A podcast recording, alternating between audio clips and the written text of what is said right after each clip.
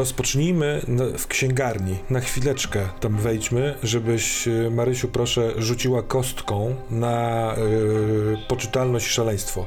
Te zwidy, o ile dotyczące kobiety podróżującej w czasie, tak jakby, nie musiały być niepokojące, ale wierzę, że Sybilla Trumpington yy, w tej pozie, zniewolonej pozie, może wywoływa, wywoływać szok bądź jakąś obawę. To jest K6 i celujemy w 3 lub niżej. Ujka. Brawo, udaje się zachować y, jasność umysłu. A teraz przejdźmy do Julie Thompson w redakcji albo Waldo Bartlebiego w domu pana Robertsa. Niech Julia się wykaże jako pierwsza. Dobrze. Mm, przenieśmy się od razu, chyba że chcesz to jakoś sekretnie zrobić, ale ja pomyślałem, że idziesz do tej redakcji, podpytujesz, tak. gdzie pan, pan Foster przebywa. On ma swoje biurko, na tym biurku ma maszynę do pisania, popielniczkę pełno dymu. E, czy tak może być, czy chcesz to zrobić? Jak najbardziej. Nie, w ogóle wyobrażam sobie, że Julia jest bardzo taka prostolinijna, więc ona idzie do redakcji, właśnie do jakiejś osoby przy sekretarzyku, która przyjmuje takich interesantów, mówi, że chce, chce się spotkać z panem McFosterem e, w ważnej dla niego sprawie, to może go zainteresować, więc ona natychmiast prosi o to, żeby dać mu znać, że taka osoba jak Julia Thompson czeka tutaj na niego. Mhm. Y, facet jest pomiędzy 40 a 50, wysoki, lekko przygarbiony, taki niezdrową ma sylwetkę, y, y, krótki wąsik, który za kilkanaście lat stanie się niestety niespecjalnie chlubny w Europie. Duże takie oczy mokre, taki trochę psi wyraz twarzy ma, ale idzie szybko. Trzyma jakąś teczkę pod ręką, notatnik, rozgląda się i ten pracownik pokazuje mu, nie wiem, stoliczek, e, przy którym siedzisz i otrzymałaś od e, e, redaktora jakiegoś herbatę. Pani chciała się ze mną spotkać? Mac Foster. Tak, jak najbardziej Julia Thompson, miło mi. Mm, w jakiej to sprawie? Siada i tak trochę odruchowo otwiera notatnik. Proszę pana, przychodzę w sprawie kapitana, którego statek zatonął 100 lat temu. Hmm, Local Głośno McIntyre. teraz o nim. Otóż tak. Czytałam pana artykuły, interesuje mnie, czy może ma pan więcej jakichś informacji, których nie opisał w gazetach. A czemu pani to interesuje, jeśli mogę spytać? Jestem zainteresowana jego dziennikiem. Ja słyszałem, że to jest jeden, jedno ze znalezisk. To prawda. Podobno całkiem nudne, aczkolwiek wydaje mi się interesujące. Sądzę, że może kryć w sobie coś więcej niż wygląda. Chciałbym pogłębić pańską, pani, pani odpowiedź. Dlaczegoż to interesuje pani dziwny, nudny dziennik, skoro tak pani go nazywa? Proszę pana, jestem bibliotekarką. A bibliotekarki interesują właśnie takie dzienniki. A proszę pani, to w takim wypadku wystarczy poczekać parę dni i udać się na wystawę. Można powiedzieć, że interesuje mnie on w inny sposób niż panu się wydaje. Poza tym cała ta sprawa jest owiana tajemnicą, zresztą o niej pan też pisał, o sytuacji związanej z inuickimi rytuałami, które nie będą przedmiotem tej wystawy. To mnie interesuje. I dlatego przychodzę do pana, a nie na wystawę, na której pewnie się niczego nie dowiem. Proszę pani, jestem dziennikarzem i o ile zakończyłem już e, pisanie na ten temat w kontekście kontrowersji, jakim było okłamanie e, admiralicji przez McIntyre'a i nie powinniśmy publicznie e, stawiać na ołtarze albo na monumenty takich, takiej osoby, raczej ganić taką postawę, to sprawa jest rzeczywiście bardziej tajemnicza, ale nie ukrywam, że sam nią się interesuję, a nawet przygotowuję pewien materiał. I w takiej sytuacji nie chciałbym dzielić się swoimi spostrzeżeniami z kimś, nie wiedząc po cóż to. A może pani jest w stanie dać mi coś, za co ja będę mógł pani dać coś w zamian? Jest pewien spryt i chciwość w tym człowieku. Mhm. Czy ja jestem mu w stanie dać jakąś taką informację, której on może nie znać? Czy w tych naszych rozmowach dotyczących dziennika pojawiło się coś, co, czego on może nie wiedzieć, czego ja nie wyczytałam z tych artykułów? Hmm. No, on pisał tylko i wyłącznie o aspekcie takim, powiedzmy, mundane, takim zwyczajnym. Y, O tym, że facet chciał jechać na Gren- Grenlandię, badać jako, jako, jakoś archeologicznie rzeczy, a y, wydębił od rządu pieniądze na to. I w jednym z tych artykułów znalazłaś, że całkiem możliwe, że po prostu oszalał na jakimś punkcie, był podkręcony jakimiś sprawami, według tego żeglarza, który go wspominał. Yy... No więc jeśli chcesz mu powiedzieć cokolwiek o tych sprawach, nie wiem, rytualnych na przykład, albo o tym, że inni ludzie są zainteresowani tym dziennikiem, bo coś w nim jest ukrytego, no to może to jest jakiś kierunek. Tak właśnie o tym pomyślałam. W takim razie mm, Julia patrzy na niego, e, marszczy brwi w swoim zwyczajowym stylu e, i mówi. Widzi pan, skoro rozmawiamy już o tych inuickich zwyczajach, to w tym dzienniku udało mi się ustalić, że znajduje się jakiś dziwaczny inuicki rytuał. I dla tego rytuału właśnie wiele osób w tym momencie się tym dziennikiem interesuje. Więcej niż jedna, jak mnie mam. Może to pana zainteresuje.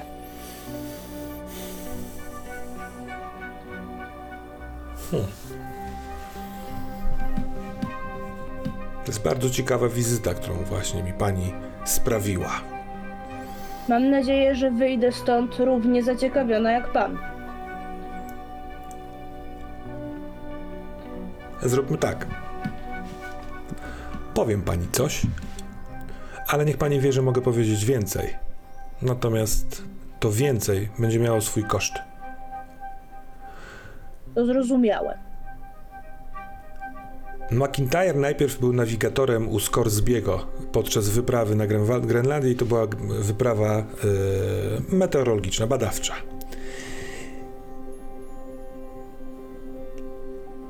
Podróżował z nimi e, żeglarz, który okazał się na emeryturze mm, amatorskim pisarzem. Wydał swoje wspomnienia. To bardzo rzadka książka, ale udało mi się do niej trafić poprzez badania nad tą, nad tą całą sprawą. Pośród różnych swoich przygód morskich, mniej lub bardziej prawdziwych albo interesujących, e, ów żeglarz poświęca trochę e, atramentu osobie McIntyre'a i opisuje jego zachowanie, kiedy wracali statkiem do Londynu z Grenlandii, z tej swojej pierwszej wyprawy. Te zachowanie jest dziwaczne, opowieści, które opowiada innym żeglarzom, też są dziwaczne. Do tej pory myślałem, że po prostu możliwe, że dotyczą kogoś obłąkanego. Ale pani wizyta i informacja o tym, że inni się ludzie też interesują jakimś rytuałem, dodaje trochę prawdomówności, wiarygodności tym informacjom. Już żyjemy w czasach, w których seanse spirytystyczne są całkowitą normą, a wszyscy wierzą w duchy. Powiem pani, że według wspomnień tego żeglarza, Col, ym, Lachlan McIntyre ukradł coś ludziom, którzy mieszkali na tej Grenlandii, których znalazł. Jak ich się nazywa? Było Tubylców coś, tamtejszych. czy może raczej ktoś? On znów, on wiesz co, znów robi sekundową pauzę, tak jakby cały czas ważył, ile ci powiedzieć, ale ty znów trafiłaś ewidentnie. Ma taki pół uśmieszku w tych swoich mokrych oczach. To było raczej coś. Chyba, żeby nazwać czymś serce. W sensie romantycznym. Nie powiem pani nic więcej. Chyba, że dopuści mnie pani do procenta. Pozwalam sobie tutaj na dzikie, dzikie zgadywanie, ale wydaje mi się, że pani chce zdobyć ten dziennik i go sprzedać. A jeśli to nie jest prawda, to możliwe, że jest pani w stanie zapłacić za informacje, które przybliżą panią do prawdy. Ile? Rzućmy kostkami. Dobra. Zatem, masz ludzkie możliwości, tak. E, Całkiem tak. czy może masz jakąś przewagę jako Mm. bibliotekarka? Kolekcjonowanie, I guess, poczekaj, zobaczę co tu jeszcze mam. Mm, Ja jestem bardzo mocno niespołeczna. Eee, Nie, myślę, że nie będę tego naciągać. To, to, to nie jest e, żadna przewaga, którą mogę tutaj wykorzystać, gdyż ja tutaj negocjuję Mhm. e, z Tak, tym też mi się tak człowiekiem, wydaje. a raczej znam się na książkach. Zatem, em, czy jesteś dobrze przygotowana? Czytałam artykuły tego człowieka Tą rozmową też przez trochę go długi, zagięła, długi nie? czas, Tak, nie? tak, dobra, dobra. I ten kontekst tej rozmowy też właśnie y, służy. Niech będzie tutaj druga kość. E, w kwestii pomocy, pomocy znacznej chyba tutaj takiej nie ma. Zatem na razie jesteś na dwóch kostkach. No to, natomiast chciałabym dokonać jakiegoś czaru tutaj w tym miejscu. E, Jestem w redakcji. Chciałabym. Chciałabym pozostawić tutaj kotka, który to już zostanie na zawsze, który będzie mieszkał w tym miejscu. Kotka, którego uprzednio, kiedy stawiam e, przed, e, może nawet przed nim, nie? Przed McFosterem mm, i przesuwam w jego stronę, e, to on dostrzega, jak pod tym kotkiem rozlewa się w ogóle taka smuga atramentu, która symbolizuje to miejsce, w którym, mm, w którym się znajdujemy, czyli miejsce po prostu pisania na maszynach, ale ten atrament gdzieś tam zawsze jest obecny. Atramentu, który mm, myślę, że sporządziłam wcześniej w domu. Atramentu, który jest może składową jakichś e, super rzadkich składników, na przykład jakiejś sprowadzanej mątwy czy ośmiornicy, ale atramentu, który także rozrobiłam razem z własną pfociną. Tutaj wyobrażam sobie taką scenę, w której Julia siedzi e, nad jakimś takim małym, może nie garnuszkiem, ale takim, wiecie, czy moździerzem, czy jakąś taką miseczką i pluje po prostu do tego, do tego atramentu, e, rzędząc prawdopodobnie na czym świat stoi i wybiera takiego kotka, który byłby idealny po prostu do tego celu. E, Kotka, do którego środka przez jakąś taką niewielką dziurkę wlewa później ten atrament i tak oto on znajduje się tutaj teraz w tym momencie przed mm, McFosterem, e, barwiąc po prostu stół w Mhm. taki atramentowy sposób. I to zapach tego atramentu ma jakoś wpłynąć na niego? Czy jakaś aura magiczna, która wylewa się z tej plamy? Być może ten kotek dzięki temu jest w stanie do niego przemówić i go przekonać, że Julia to jest super osoba i że on chciałby z nią negocjować, bo warto mieć ją po swojej stronie. Dobra. To mamy moment, w którym ten mężczyzna patrzy na kota, którego postawiłaś, i tym Tego razem kota też może mogą się nawet wylewać takie, wiecie, atramentowe łezki, Mhm. nie? I co powiesz na to, że tym razem ty go nie słyszysz, tego kota, ale ewidentnie on go słyszy. Tak jakby głos twoich zaczarowanych kotów może słyszeć tylko jedna osoba. Mhm.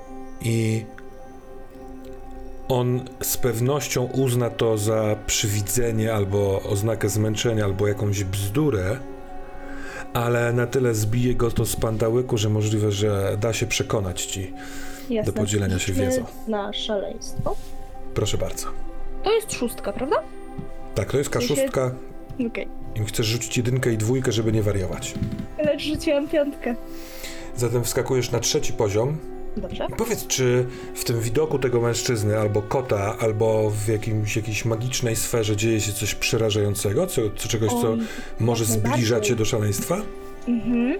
Dlatego, że kiedy widzimy tego kotka, z którego leją się te ra- atramentowe łzy, to też przez moment, a może to się w ogóle wydarza, może to nie jest przewidzenie Julii, e, po prostu e, McFoster, on też zaczyna ronić takie atramentowe łzy. Może nawet ociera je, nie zauważając tego wcześniej e, i gdzieś tam ten atrament zostaje na jego policzku. No i kiedy Julia to widzi, to, to jest trochę makabryczne, nie? Mhm. W sensie to, to nie jest naturalne, żeby broczyć atramentem. Jak się jest kotkiem, może bardziej, jak się jest żywym człowiekiem, nie do końca. Więc może nawet pozwolę sobie dołożyć, że w tle wszystko, jesteś tego świadoma tak na granicy spojrzenia, dzieje się dużo wolniej. Tak jakby ta cała sytuacja magiczna, to zaklęcie skondensowało, znaczy ro, rozszerzyło czas tylko w tej waszej małej bańce przy tym stole. I rzucaj kostkami, trzema kostkami. Zobaczymy, jaki da efekt cały ten ambaras. 5, 6 i 4. Szósteczka. Kiedy on przestaje patrzeć na kota i patrzy na ciebie, a właśnie masz ślady atramentu na policzkach, to na początku mechanicznie, automatycznie, tak jakby spoza siebie, mówi.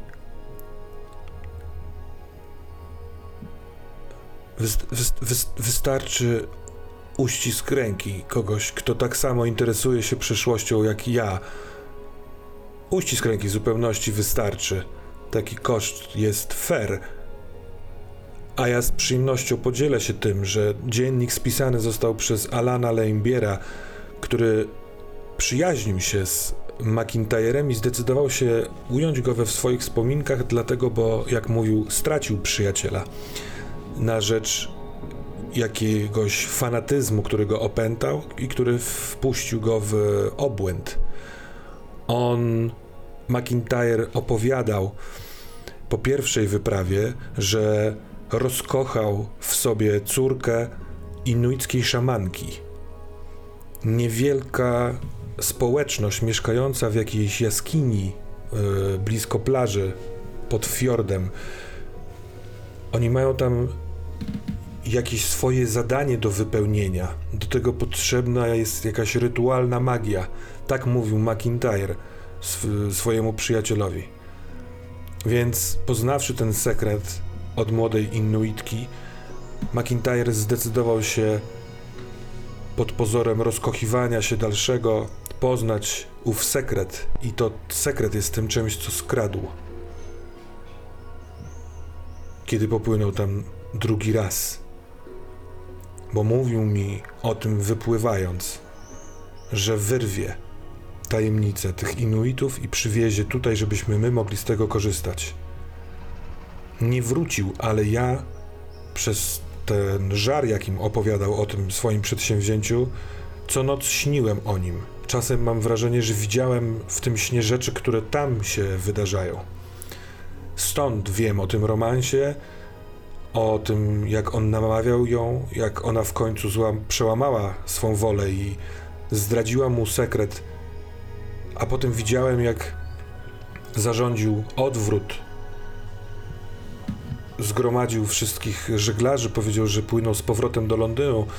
Oni to wywołało buntownicze myśli, ponieważ oni byli przekonani, że będą płynąć dalej na północ w poszukiwaniu szlaku północnego.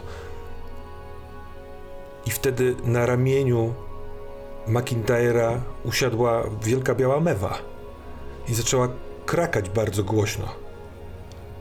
Widziałem to w tym śnie, jak pod wpływem tego krakania gaśnie bunt i ci marynarze nie chcą już płynąć na północ, tylko posłusznie wprowadzają swojego kapitana na statek i wyruszają na południe. I w następnym śnie widziałem tylko, jak McIntyre patrzy z pokładu statku na brzeg. Tam stoją dwie kobiety na szczycie tego klifu. I jedna z nich robi gest ręką. I kiedy ten gest się wykańcza, to słyszałem w tym śnie straszliwe pęknięcie, a statek zaczął tonąć. Jako, że mój przyjaciel nigdy nie wrócił z tej wyprawy, w jakiś dziwny sposób uznałem, że te sny musiały być prawdą. To to właśnie Alan Lambir napisał w swoich wspomnieniach na temat McIntyra. To, że pani przychodzi i mówi o, o rytuale, w pewien sposób potwierdza prawdę snów Lambira. Dlatego chciałem na razie zostawić to w szufladzie, żeby pogrzebać przy jakiejś okazji i sporządzić artykuł o rzeczach tajemnych. To rzeczywiście jest teraz modne. Ale I na wstrzymam się. pewno wszyscy będą chcieli to przeczytać. Z pewnością. Jestem dziwnie senny. I ociera oko, rozmazując sobie ten atrament, tłumiąc ziewanie. Niechże uścisnę panu dłoń. Och, dziękuję, że płaci pani z góry. Kotka może pan sobie zachować. Ściska ci takim trochę nieobecnym uściśnięciem dłoń, bierze tego kotka i rozmazany na twarzy atramentem odchodzi do swoich spraw. Mhm. Ja zaś opuszczam redakcję. A ty, Waldo, jak się chcesz zabrać do swojej sprawy? Ehe, e, Waldo wychodzi. Jest targany rozterkami, ponieważ z jednej strony wie, że jest zadanie, które powinien wykonywać, z drugiej strony nie może się doczekać spotkania z Lady Dorothy, e, z panną Dorothy. I myślę, że dochodzi do skrzyżowania. I to skrzyżowanie jest znaczące, bo wie, że z jednej strony w jedną stronę, jak pójdzie w lewo, to tam uda się do posiadłości e, Lorda Robertsa. Ale wie, że jak pójdzie w prawą stronę, to uda się do posiadłości e. Lorda Berkeleya. I staje, nie wiedząc, co ma robić. I jest naprawdę na, na, na, na tych rozstajach czuje się właśnie jak taki bohater e, romantycznego poematu. E, przypominają mu się przypominają mu się słowa Lorda Byrona, które przeczytał w jednym e, z jego najsłynniejszych poematów w Don Juanie, e, gdy Don Juan mówi jeśli mam jakąś wadę, to jest nią skłonność do dygresji. I już zwraca się w prawą stronę, żeby iść do Lorda Berkeleya, ale jednak widzi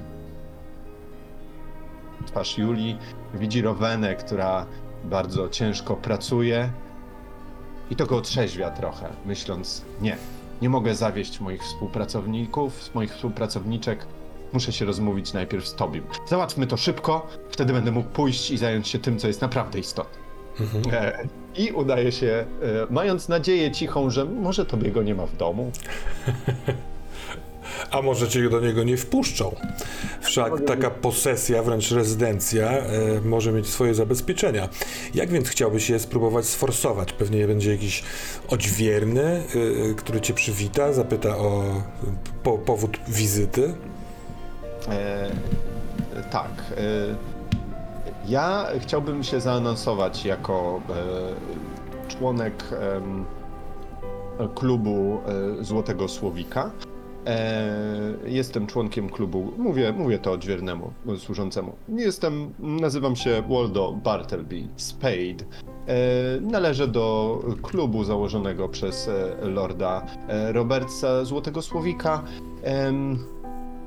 I tak się składa, że właśnie liczyłem na spotkanie z młodym paniczem Tobi w klubie, ale widać jest jeszcze za wcześnie. E, być może znajdę panicza na miejscu. Jeżeli można by mu przekazać, że mam informacje e, bardzo dla niego istotne e, i ta sprawa nie cierpi zwłoki. Stąd przyszedłem. Wiem, że zakłócam domowy mir.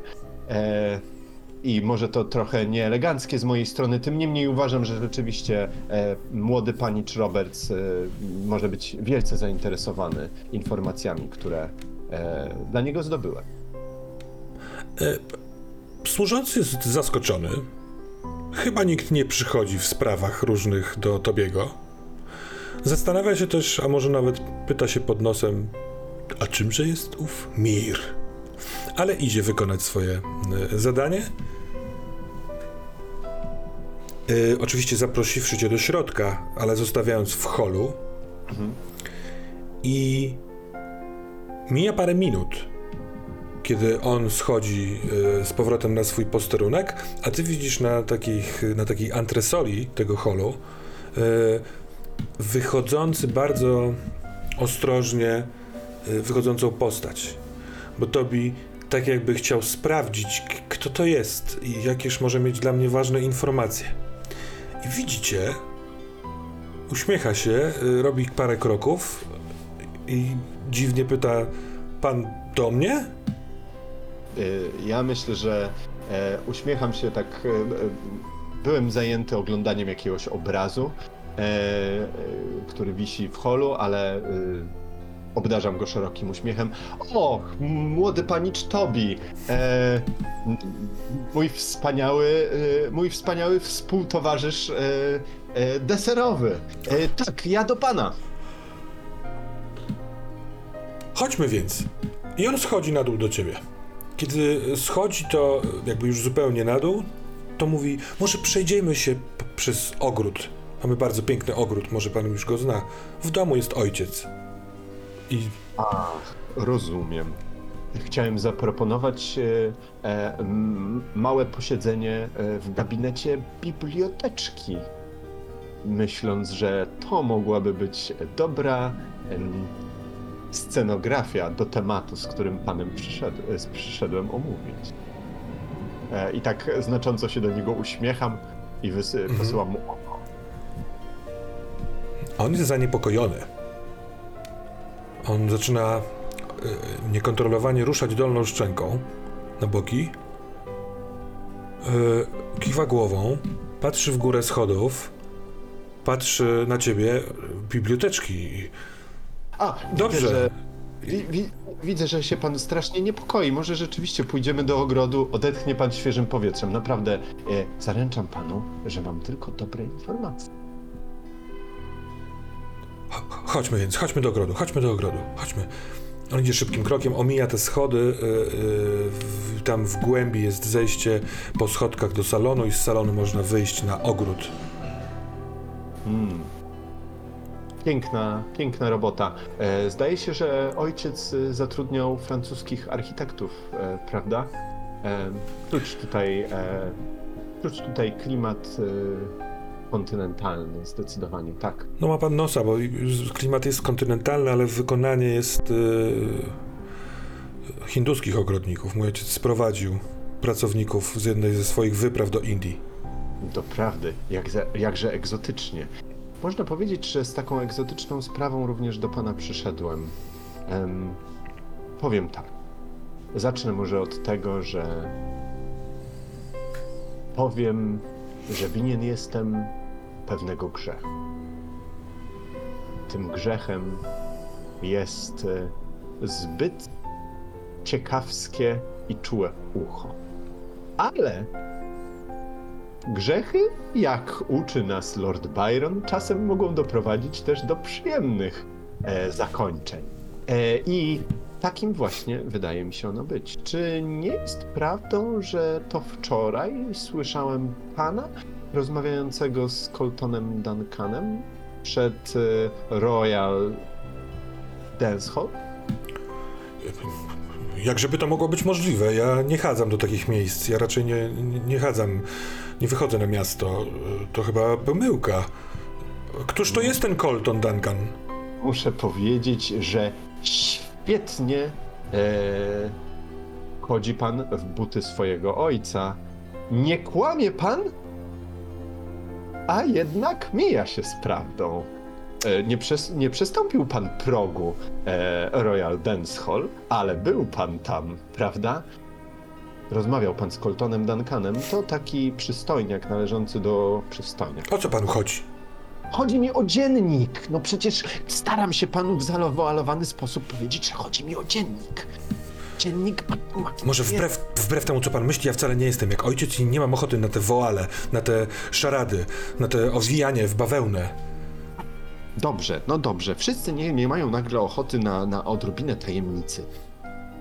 Chodzi mi o dziennik. Ale jakże pan w, w, wie, o jakim dzienniku mo- mogła być mowa? A nie chodziło panu o dziennik Loklana McIntyre'a? Ma pan go? Nie, ale jesteśmy dosłownie z moją em, ekipą współpracowniczek o krok od zdobycia go. Jeżeli zlecił pan e, zdobycie go Coltonowi, to no niestety nie wybrał pan e, najostrzejszego noża w szufladzie, jak to się mówi. E, Nie wiedziałem, jakim, jak, jak, jak wybrać. Jestem tutaj cały czas e, sam. On jest zakłopotany i zaczyna chodzić, wiesz, wokół jakiegoś klombu, kopie jakieś kamienie. Może źle wybrałem, ale co teraz, no? Ale widzi pan, los zdarzył, że usiedliśmy koło siebie i przypadkowo potrącona szklanka wina połączyła nie tylko nasze desery, ale i nasze losy splotły się e, w, tamtego, w tamtym feralnym momencie. Tak się składa, że ja poszukuję starożytnych ksiąg. Colton wiedział o tym, że jestem kolekcjonerem i że prowadzę taki interes i zlecenie, które pan mu dał, postanowił oddać za mniejsze pieniądze właśnie mojej, e, moim współprac- współpracowniczkom i mnie. Dlatego przychodzę do pana, do pana bezpośrednio. Jeśli pan mi dostarczy ten dziennik przed piątkiem, bo uważam, że kiedy otworzy się wystawa, to wszystko już stracone, to dam panu. Dam panu tyle, ile miałem mu dać, czyli 200 funtów. Co prawda, stówę już mu dałem, Aha. ale trudno.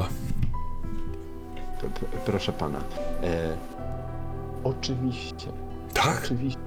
Oczywiście. Nie, ja, ja nie sądzę, żeby miał być żaden problem, ale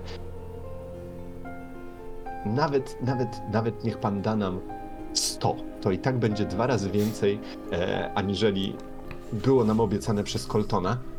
Niech, na, niech pan nam da 100, to pan nie będzie stratny, a my i tak zyskamy. W zamian za jedną rzecz. Niech pan powie, dlaczego pana tak ten dziennik interesuje. To dlatego, że jest w nim zapisany jakiś starożytny rytuał, tak? Dlatego? Ojej, jak powiedziałeś starożytny rytuał, to on już w ogóle nie wie, co zrobić. Szczęka mu zaraz wypadnie z zawiasów, znowu odchodzi gdzieś kopać kamienie, żeby tylko, żebyś nie patrzył w jego twarz. I mm, w tym momencie, kiedy odchodzi, to widzisz, w jakim napięciu on jest. On jest cały czas naprężony, ma podniesione barki, zaciśnięte pięści, e, jest na granicy jakiegoś złamania. Takie to jest trochę chorobliwe. Nawet nie zbliża się do ciebie, tylko jak odszedł kilka kroków, odwraca się i z daleka na ciebie patrzy i widzisz, że ma pianę w kącikach ust. Jakże mam panu powiedzieć, ja też chcę mieć starą książkę, może chcę być kolekcjonerem. Tak. Po, po, po. A to w takim razie dlaczego koniecznie przed piątkiem musi ją pan dostać? Założę się, że na jakiejś licytacji pana ojciec mógłby ją kupić. e, Nie chcę, żeby mi ją kupował ojciec! Krzyknął połowę tego zdania, ale potem zreflektował się, że to może być usłyszane i kucnął, chowając głowę w dłoniach. Rzućmy tutaj. Ojej. Y, Dobrze, to zanim rzucimy jeszcze, ja tylko powiem, że ponieważ Waldo zna się na ludziach i widzi, co mu troszeczkę zrobił. I no cóż, niektórzy chcą, żeby mówić do nich wprost, a potem okazuje się, że nie potrafią tego dźwignąć. Waldo. E, ja klękam koło niego, tak przykucam koło niego i staram się go jakoś tak dodać mu otuchy, powiedzieć, że wszystko będzie dobrze i że wszystko, no, że, że, że, że żeby go uspokoić ogólnie. Mhm. W ten sposób. Dobrze. Staram się, staram się jakoś zadziałać na niego w taki, taki no właśnie, soothing sposób. E, no dobrze, rzućmy. E, no ja myślę, że no tutaj, kurczę, no, e, czy to, e, właśnie, na co ja rzucam?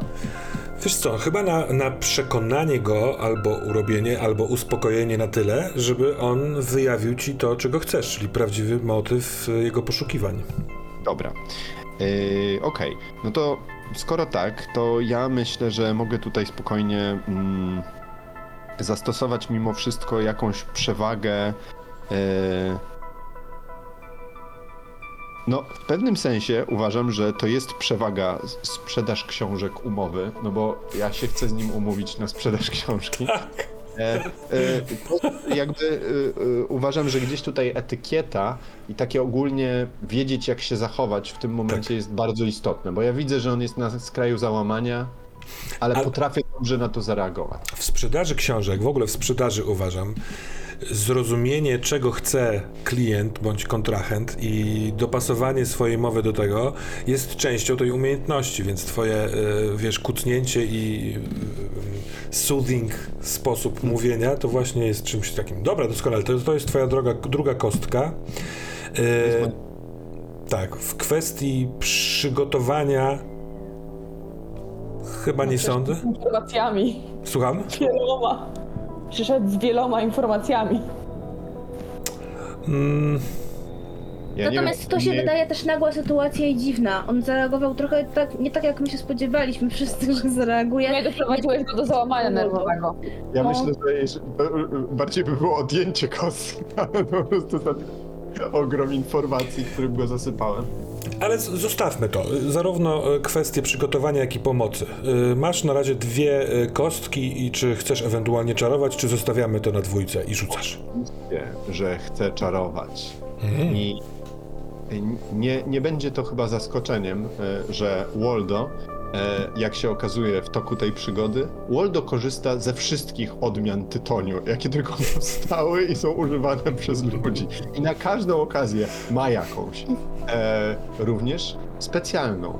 E, w tym momencie, e, który tutaj jest, e, który tutaj mamy, Waldo, przepraszam, jeżeli coś słychać, jakąś muzykę, to za mojego okna. Nie, do mnie nie dochodzi akurat. Bo właśnie taka jest muzyka, która by nam się przydała, jakbyśmy byli na sali balowej. I jeszcze ktoś gwizdza na dodatek, więc jest to chyba strasznie fajne. E, Ale trochę mnie wybija, przepraszam.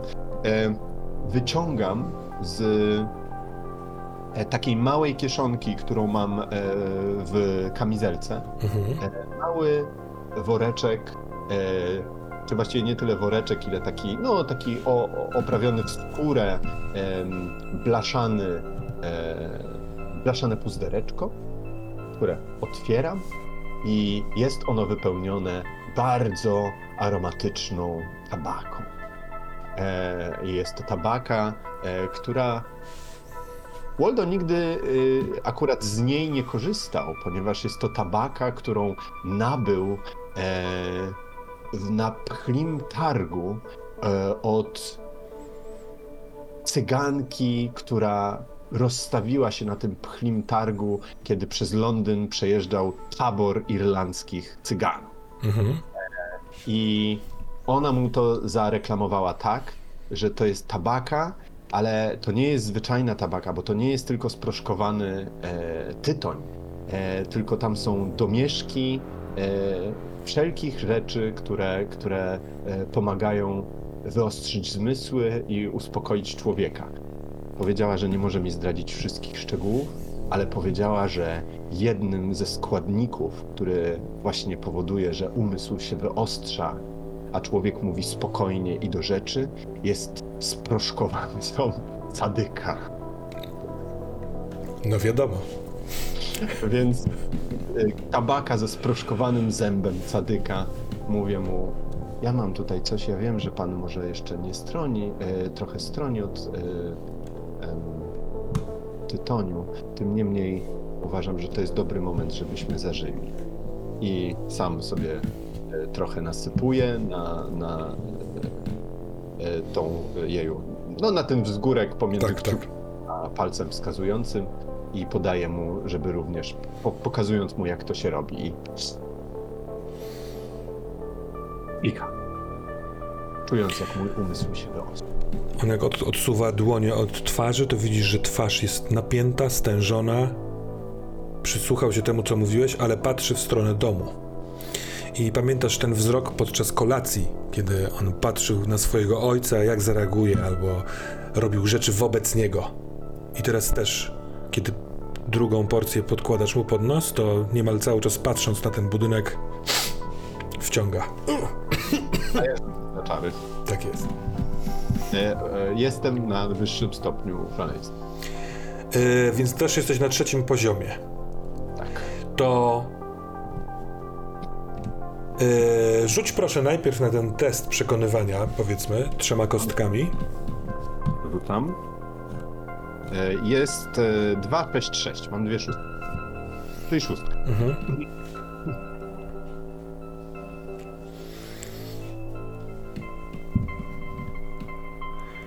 W zeszłym roku mój ojciec przyniósł informację, że znaleźli ten statek Ja znałem to nazwisko McIntyre już wcześniej. Nie dałem poznać po sobie. Wypytałem ojca o co chodzi. On mi później donosił o postępach w pracy, o tym, że będzie wystawa. Pewnie miał nadzieję, że w końcu coś nas łączy. Ale tak naprawdę chciałem dowiedzieć się, co zostało znalezione. Jak byłem małym chłopcem, miałem nianię. I niania, kiedy miałem ataki, uspokajała mnie, śpiewając piosenki w nieznanym mi języ- języku, bardzo spokojne. Opowiadała mi też czasem bajki. Wiele razy powtórzyła bajkę o kapitanie McIntyre, który ukradł coś jej prababci.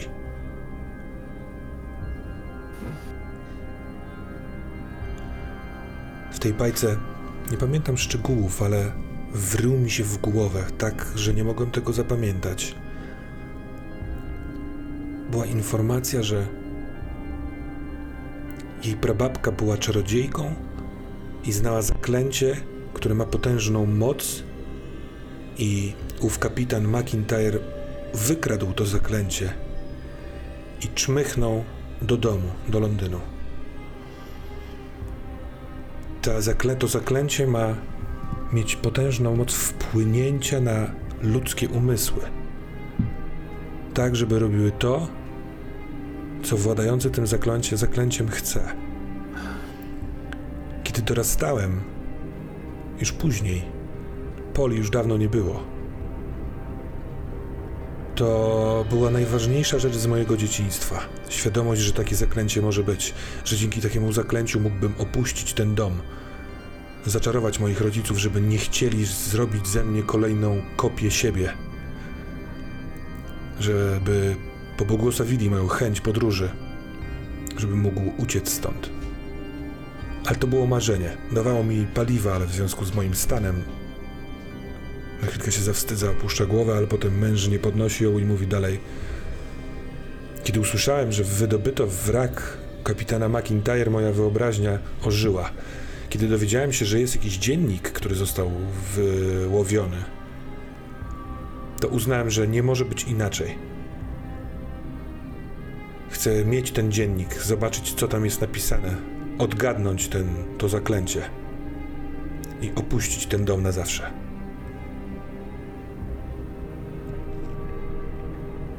drogi panie.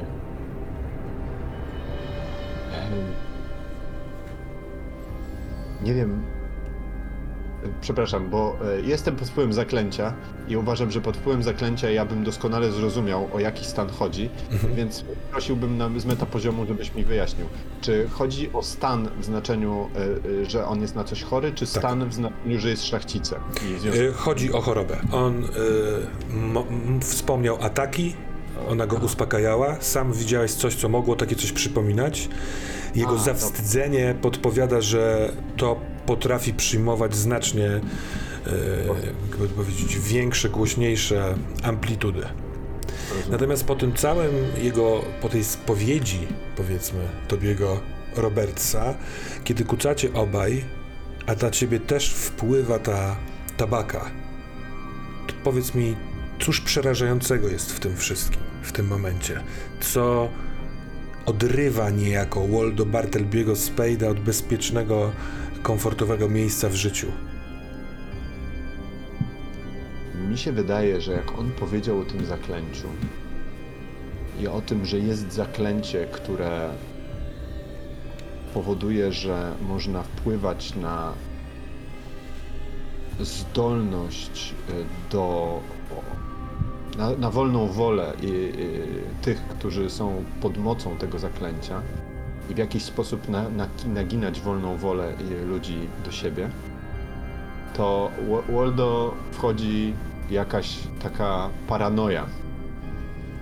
I że ja teraz jestem pod wpływem tego zaklęcia.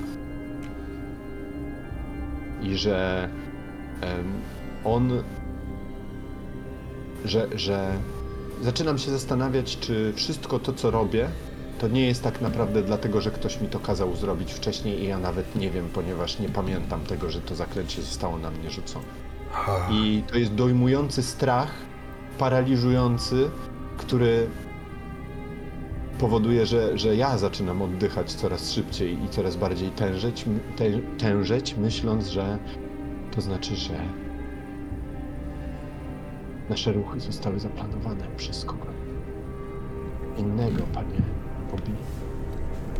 Ktoś rozgrywa swoją grę, a my jesteśmy tylko pionkami na szachownicy.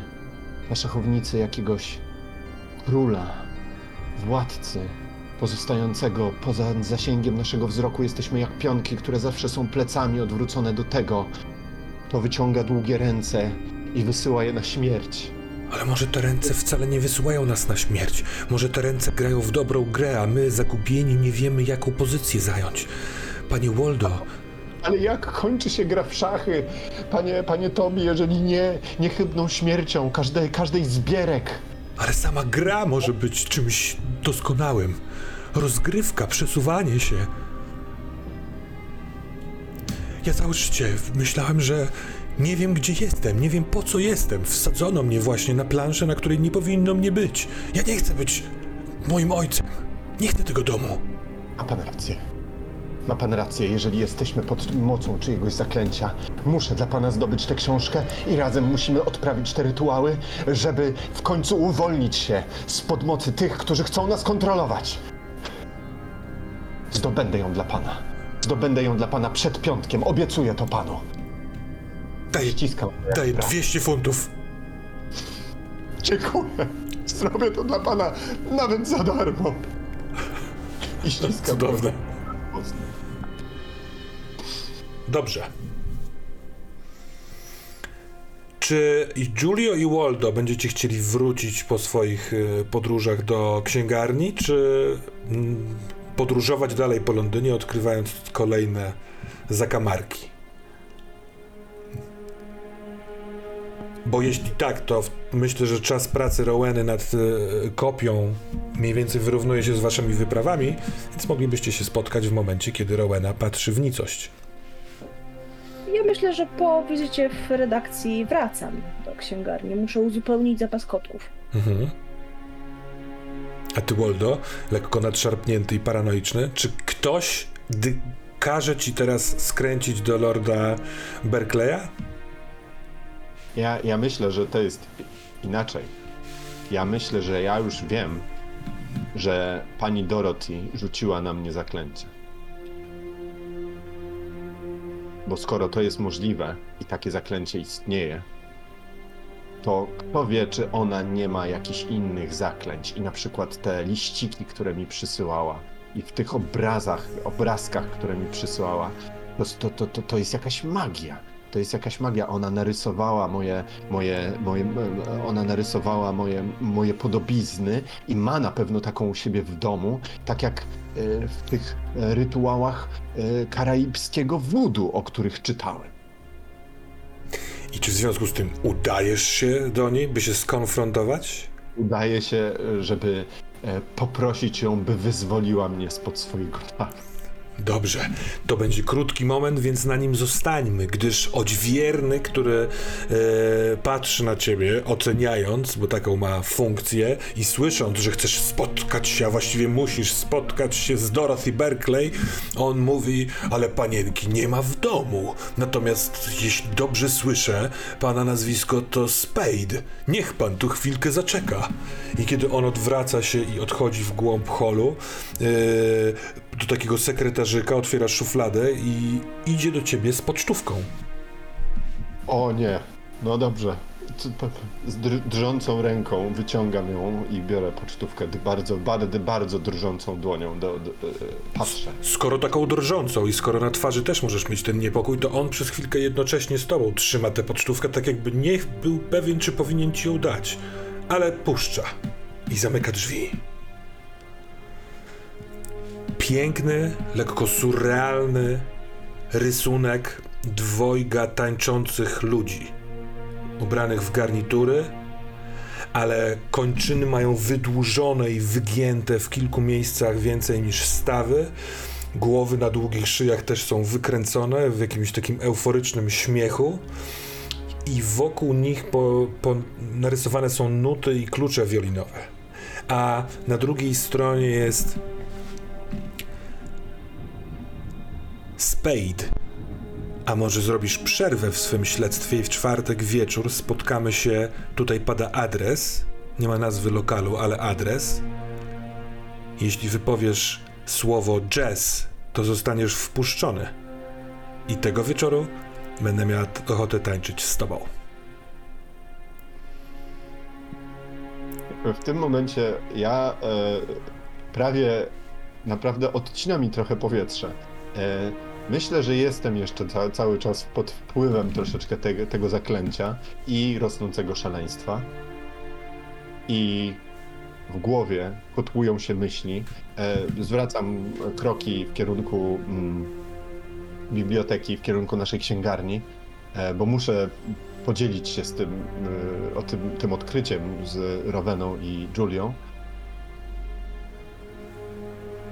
Ależ ona się mną bawi. Jakie to jest przewrotne. Z jednej strony namalowała obraz. Na tym obrazie, na tym obrazie mówi mi dokładnie, potwierdza moje podejrzenia. Przecież to jest dwójka tancerzy, ale jakich? To są marionety. Marionety, które tańczą jak ktoś im zagra. Bo przecież tancerz tańczy do muzyki. Muzyka kontroluje tancerza, a tancerz jest w niewoli, w niewoli taktu, w niewoli rytmu.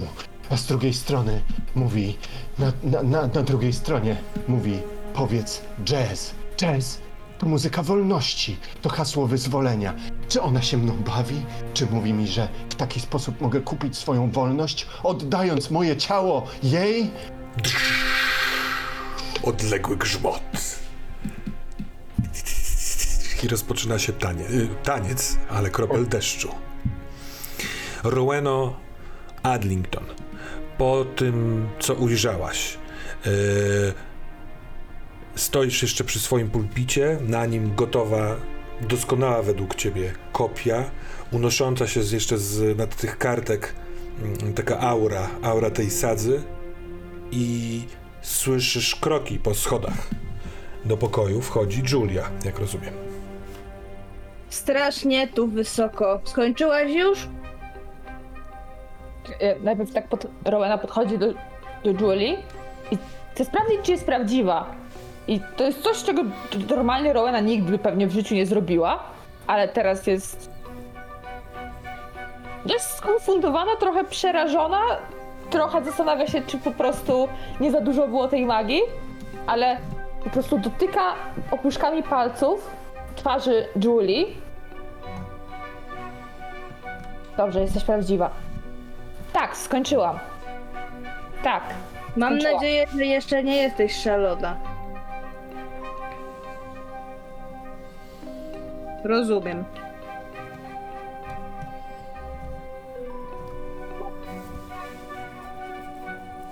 Mogę zobaczyć?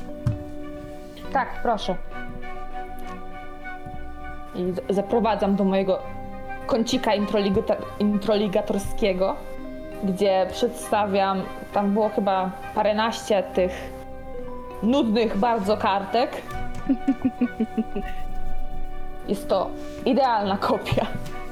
Nie, nie, nie znajdziesz lepszej na rynku. Prawdopodobnie lepszej nie ma. Żadnej nie ma.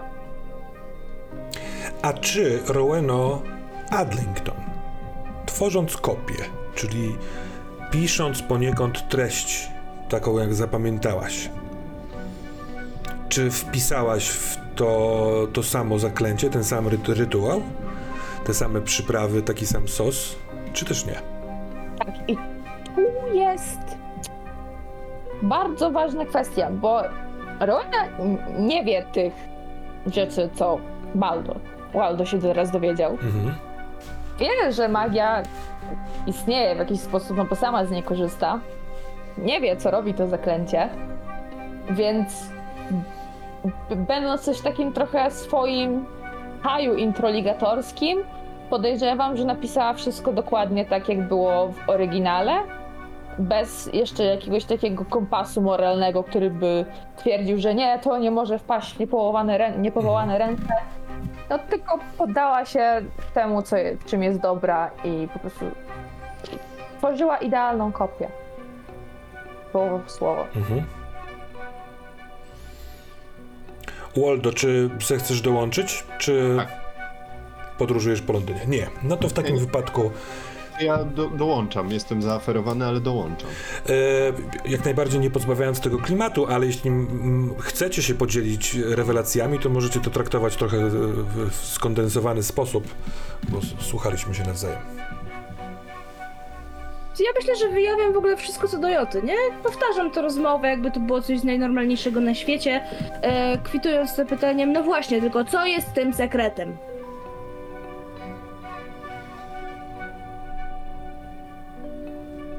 Czemu tak patrzysz, Waldo? Bo chyba wiem, jaki to jest sekret. Podziel się w takim razie tą informacją, słucham.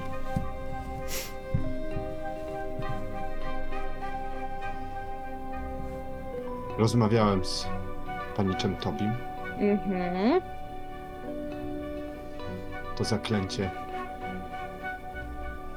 To zaklęcie, którym można zmusić ludzi, by byli podlegli woli tego, kto je wyrzeknie, tego, kto odprawi ten rytuał. Znaczy, że to bardzo drogie zaklęcie.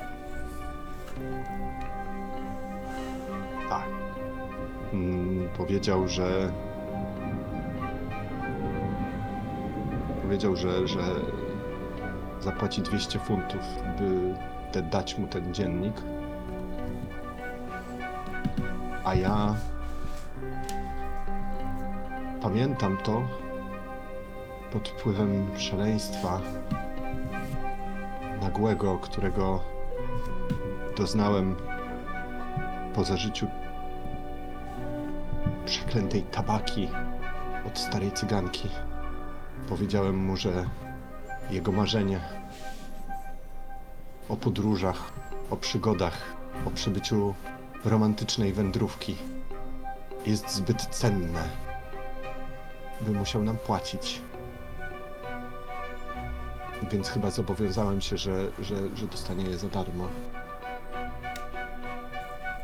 Ale, ale może mimo wszystko będzie chciał nam zapłacić. Tym niemniej mm, chyba nie dobiłem najlepszego targu. Chyba nie.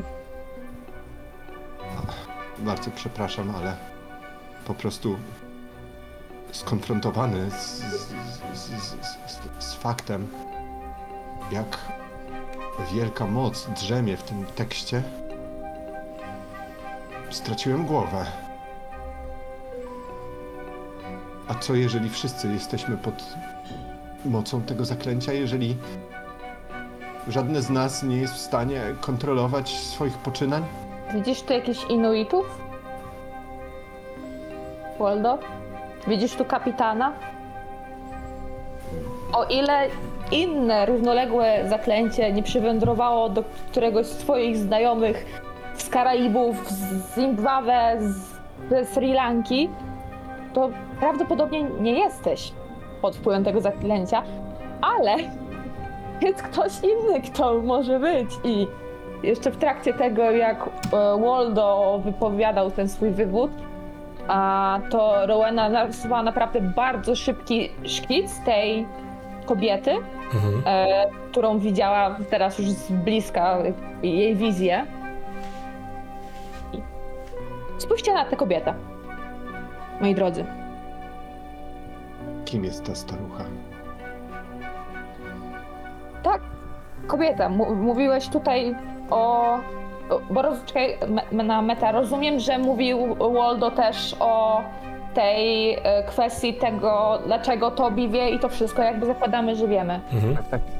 Tobi stwierdził, że jego opiekunka powiedziała, że tam y, Lok. Lok dla, dla, y, ukradł coś jej prababce. Tak? Tak. Ta kobieta, ta kobieta, ta, moi drodzy Państwo, widziałam ją już dwa razy. Początku myślałam, że to jest przypadek. Za pierwszym razem, w momencie, kiedy obserwował mnie ktoś, e, kiedy byłam w e, towarzystwie. E, potem, kiedy wczoraj wychodziłam w pośpiechu. Też wydawało mi się, że ją widziałam. Jestem przekonana, przekonana, że to ona tutaj była. Ona zostawiła tę gazetę. I co więcej, jestem przekonana, że nasza e, droga cywilna jest prawdopodobnie w niebezpieczeństwie. No właśnie, każdy z was zaaferowany swoimi odkryciami, kiedy wchodziliście przez porcelanę, tam jest pusto. Nikogo nie ma. Ani gości, ani klientów, ani Sybili. Proszę bardzo, Roana. Nie ma jej cały dzień. Jej kolczyki leżały w filiżance. Ona się nie rozstaje z tymi kolczykami. Dostała je po, od swojego zmarłego męża na 12 rocznicę i ona się z nimi nie rozstaje. Waldo, ty powinieneś o tym wiedzieć najbardziej.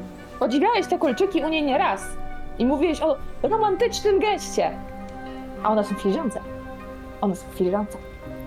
Sybilli nie ma, i jestem przekonana, że ta kobieta jest powodem, dla którego Sybilli nie ma tutaj. Chwała ją.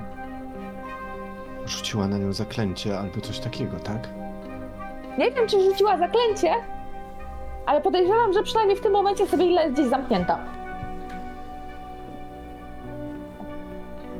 Wiem, że wydaje się to być dość daleko posunięty wniosek, jednak moi drodzy Państwo, w rozmowach między ceramicznymi, porcelanowymi kotkami, tabaką, a różnymi innymi rzeczami i rozmowach o potencjalnych zaklęciach, które obładniają umysły innych ludzi, wiemy, że coś się dzieje, coś istnieje. I podczas mojej pracy, e, podczas mojej pracy, sadza, która pozwoliła mi odtworzyć cały ten, nie będę tego nazywać manuskryptem, bo manuskryptem to to nie jest, ale ten dziennik,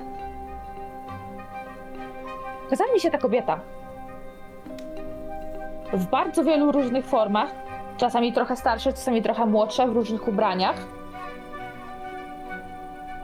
I okazała mi się też Sybilla, prawdopodobnie ze związanymi rękoma, siedząca na, na czymś, która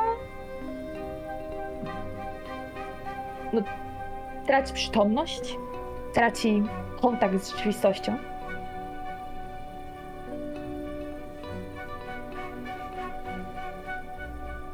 Tak. No dobrze. No dobrze, nic tu nie jest dobrze. Musimy w takim razie zdobyć ten ten dziennik i go dać. Chyba nie ma innego. Przede wszystkim nie wiemy, jak ją znaleźć. Nie mamy sposobu, żeby się z nią skontaktować. To nie- jest tak łatwe jak z, jak z, jak z Tobiaszem, tak? Ona pewnie nas obserwuje, ona pewnie w jakiś sposób potrafi cię obserwować. No, mówiłaś, że dwa razy już ją widziałaś. Tak, to nie zmienia faktu, że nie mogę się z nią skontaktować. Czy bylibyśmy w stanie użyć do tego magii? Mistrzu gry? Mniemam, że magia to klucz do wszystkiego. W takim razie wyobrażam sobie, że Julia już w trakcie tej rozmowy e, o tym, jak się skontaktować, że musimy to zrobić, no to ona już e, przygotowuje być może nawet pewne składniki. Zbiera kilka kotków, idzie po te kolczyki e, w filiżance i będzie chciała powróżyć z porcelany. Mm. Czy, Będziesz ch- porcelanę wrzucać do filiżanki.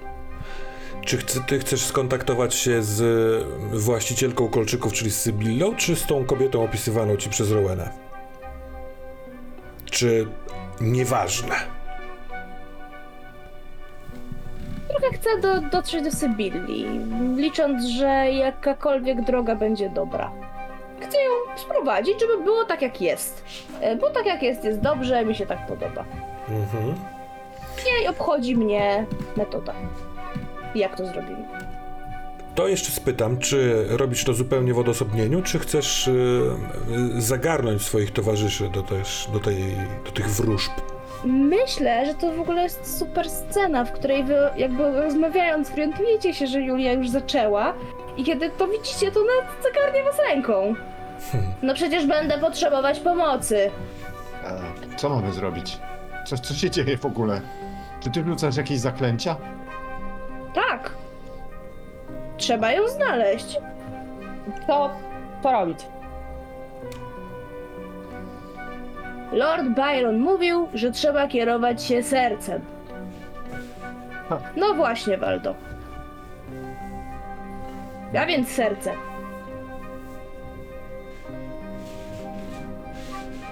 Podaję ci dłonie. Tu jest me serce. Korzystaj z niego, jak uznasz za stosowne.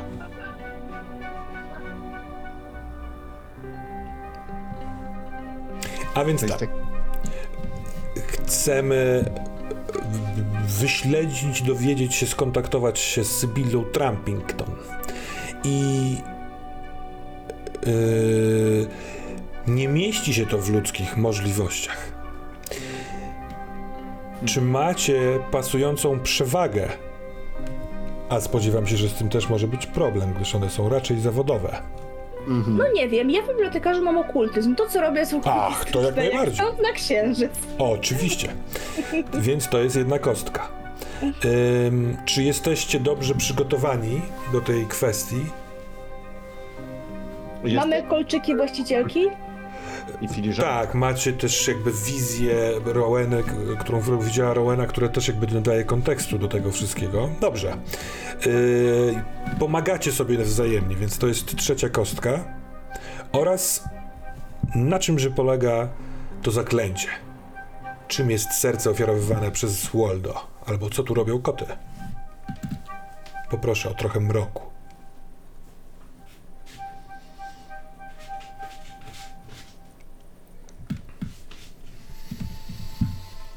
Ja Każdy myślę. dostaje kotka. Tak, myślę, że tak. Każdy ma swojego kociego porcelanowego awatara. Wyobrażam sobie, że trzymamy się wszyscy za ręce i te kotki są przed nami. One wyglądają totalnie jak my, jako porcelanowe kotki. E, Myślę, że kotek, który przedstawia Waldo, ma takie duże czerwone serduszko w miejscu serduszka. E, Rowena, nie wiem, zastanawiam się, jak może wyglądać kotek Roweny. Może ma takie Kotek błyszczące oczy. Roweny wygląda jak każdy przeciętny kot na ulicy. Dobrze. Po Nie prostu to jest taki szary burek z prążki. Wydaje mi się, że kotek Juli po prostu jest takim grubym kocurem, który ma takie spojrzenie Garfielda znudzonego życiem. Garfield jeszcze wtedy nie istniał, być może to jest jego pra, pra, pradziadek. Yy, I spodziewam się, że w momencie rozbicia tych kotków, jakieś takie, to jest, to jest scena, jedno nasze wspomnienie związane z Sybillą po prostu zniknie, nie będzie istniało. To jest coś, co płacimy, żeby ją odnaleźć. Czym płacimy, żeby ją odnaleźć? Super, podoba mi się. To są cztery kostki do rzutu. Mhm. Każde z was, tak to czytam, jest częścią tego zaklęcia. Tak. Fajnie byłoby, wydaje mi się, gdybyśmy takim szczątkowym sposobem, nawet za pomocą słów kluczy, opowiedzieli to wspomnienie, które tracicie. To może być wspólne wspomnienie, ale w pewien sposób opisze nam, kim jest Sybilla. Bo może wam się uda ten rzut, to ją spotkamy. Myślę, że to by mogło być coś właśnie z tymi kolczykami, albo z tą filiżanką, w której one są. Jeżeli chcemy, czy to niezależnie czy wspólne, czy, czy osobne. Wydaje mi się, że to może Mhm. być fajne. Ja mam e, wspomnienie, Waldo ma wspomnienie, bo uważam, że to jest bardzo tragiczne i to jest straszne tracić to wspomnienie i ono jest związane z filiżanką i kolczykami, że nie wiecie tego o Waldo, ale Waldo jak miał lat 16-17 to był takim obdartusem, e, niemalże żebrakiem e, i już było z nim bardzo źle i zasnął gdzieś koło, i- y, koło porcelany. I ona wieczorem, wi- widząc go, Zanika. Nie ma już tego wspomnienia. nie ma. Czy coś jeszcze? Drogi panie? Ja widzę wspomnienie, w którym Julia jeszcze nie będąc na emeryturze siedzi w e, bibliotece, stempluje książki i, i nagle przed nią pojawia się taki duży tom o jakimś takim właśnie y, magiczno-okultystycznym tytule, jakaś, być może nawet jakaś taka parapsychologia, coś takiego z, właśnie z pogranicza, y, z, z działu, do którego no na przykład, coś, coś właśnie w tym stylu. I kiedy podnoszę wzrok z nad tego tomu, to widzę no, najpierw te kolczyki błyszczące, gdzieś tam błysz- błyskające się w świetle lamp, czy w świetle słońca, które wpada do, em, przez okiennicę. No i widzę twarz Sybilli, która po prostu chce wypożyczyć tę książkę i my wdajemy się w dyskusję na temat tego, co tam się znajduje. Julia ją czytała, zaczyna opowiadać, co tam, co tam się w tej książce po prostu, co tam można wyczytać. Mówi, że jej zdaniem to są absolutne bzdury i może lepiej, żeby poczytała o czymś innym. Ale E, już nie ma tego wspomnienia. Jaki to był tytuł? Julia nie pamięta tego tytułu, który polecała Mhm. Sybilli. I to nie daje jej spokoju. Co to był za tytuł? Czego tytuł? Komu to polecała? Rowena, czy ty tracisz coś konkretnego z tymi kolczykami albo filiżanką? E, znaczy tak, wydaje mi się, że wspomnienie, które traci Rowena, to jest po prostu jeden z wieczorów, w których siedziała w porcelanie, kiedy przygotowywała się jeszcze w ogóle przed, przed doktoratem, pewnie gdzieś na początku w ogóle e, studiów konserwatorskich. E, I Rowena piła wtedy herbatę, właśnie w tej konkretnej filiżance. E, I po prostu jakby, niby wcześniej jakby znała Sybillę, ale zawsze kiedy ona przychodziła, pracował tam czy coś, czasami coś inny, też nigdy nie zwracała więcej uwagi. A, a w momencie, kiedy jedno z, jedna z notatek po prostu odfrunęła, w momencie, kiedy ktoś otworzył drzwi, e, Sybilla podała jej tę notatkę i właśnie wtedy też Rowena zauważyła te kolczyki i to była ich taka pierwsza prawdziwa rozmowa, kiedy tak naprawdę się poznały. Tylko o czym? Nie pamiętamy. Poproszę was o rzut, y, każdy z was kaszustką. Jest, wszyscy jesteście na trzecim poziomie, więc przy 1, 2, 3 nadal jesteście zdrowi. Mam jeden. Ja mam trzy. Mam jeden. Doskonale. To teraz proszę o rzut czterema kostkami. Y, chyba Marcelino, ty rzuć, bo Ja. Julia jest inicjatorką wydarzeń. Pięć, Najwyższy. sześć, dwa i cztery, czyli sześć. To są koty, które trzymacie w rękach, które przemawiają do was słabym głosem z Billy. Jakby mówiła z drugiego końca długiego podziemnego korytarza. I twój kot Waldo mówi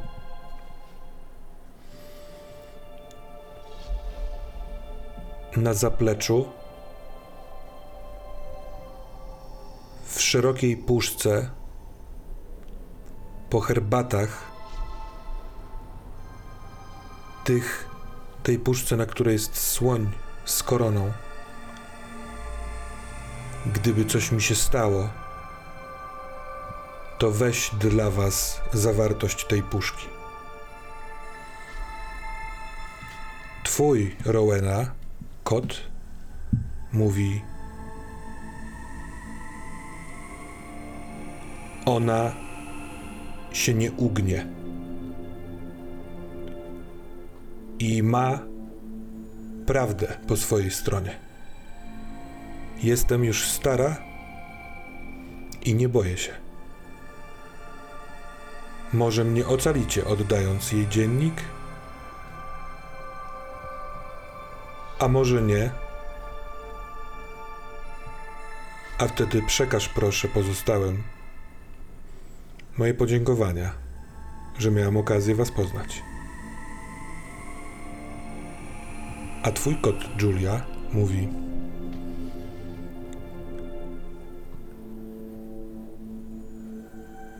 Przez mgłę pamiętam obrazki z dzisiejszego ranka, jak zamroczona jakąś trucizną jestem prowadzona przez Londyn. Na południowym brzegu Tamizy, nieopodal hotelu królewskiego, jest pub, który nad szyldem ma koło sterownicze.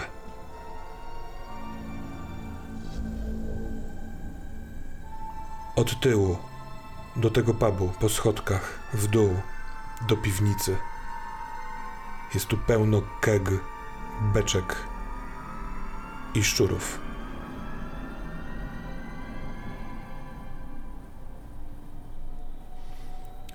Taki zawoalowany koci sposób udaje wam się połączyć z Sybillą. I niech to wystarczy. Może być? Mhm. Cóż więc robicie? Dzień chyli się do wieczora powoli. Eee, powiedzmy, za, powiedzmy, że mamy środę. W piątek jest wystawa. Jakie kroki chcecie pod, podjąć? No ja myślę, że ja natychmiast jak tylko czuję, że rytuał dobiegł końca, to biegnę do, na zaplecze e, herbaciarni, żeby przynieść tę puszkę. Mhm. Bo m, m, wykrzykując, ona nam coś zostawiła. I przybiegam po chwili z puszką ze słoniem. To jest puszka, którą jako, jako ten młodzieniec przygarnięty przez e, e, Sybillę miałeś okazję widzieć kilka razy. E, to jest taka szeroka, duża, e, niska puszka, po otwarciu której są tam przegródki na różne rodzaje e, herbaty. I tam były mieszki z właśnie z liśćmi. Długo, długo o niej nie pamiętałeś. A ona tutaj ciągle leży na zapleczu, na samym dole takiego, mm, takiego stosiku różnych pojemników na herbatę. Kiedy biegniesz do góry z tą puszką, to czujesz, że tam w środku jest coś ciężkiego. Niekoniecznie jak herbata. I kiedy otwierasz tą puszkę już na stoliku w księgarni, to przegródki zniknęły, a niemal całą puszkę wypełnia bardzo stara księga. Z twardą, drewnianą, ale obitą metalowymi takimi y, narożnikami okładką. Y, ta drewniana okładka jest na, jest na nią naciągnięta skóra, ale w niektórych miejscach już poprzecierana i na czarnej tej skórze brązowo, ciemnobrązowy napis Liber Insanis, czyli Księga Szaleństwa. Na pierwszy rzut oka każdego z Was jest to księga warta majątek.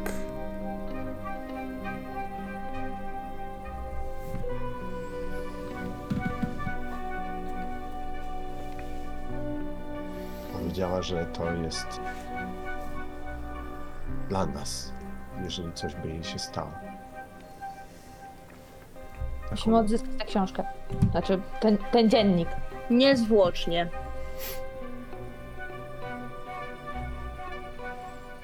Ja jestem.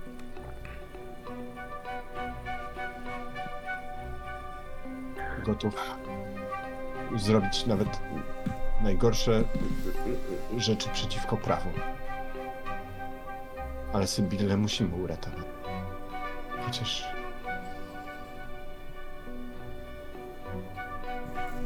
Musimy zdobyć oryginał, bo tak, kobieta na pewno.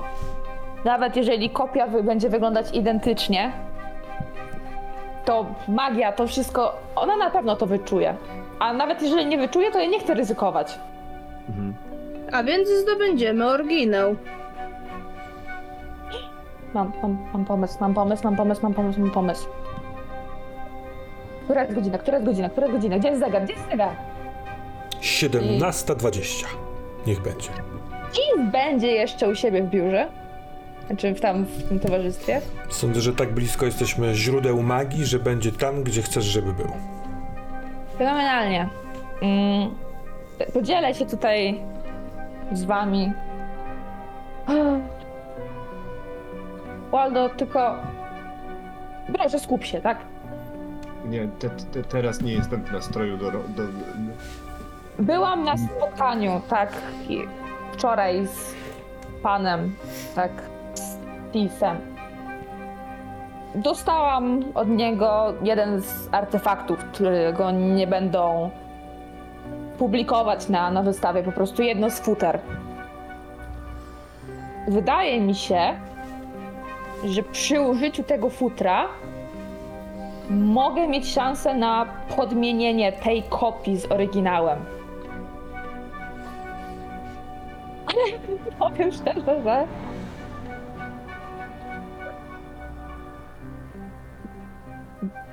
Ja... a zresztą to, co czuję, nie ma znaczenia. M- Musimy, musimy znaleźć Sybillę. Tylko nie, nie wiem, Julia, jak ty się znasz na, na tym wszystkim. Myślisz, w jaki sposób możemy to wykorzystać? Chodzi ci o futro? Jutro dostanie się tam, nie wiem, magia, czary, cokolwiek. Nie będę się tam znowu pomywać. Znowu.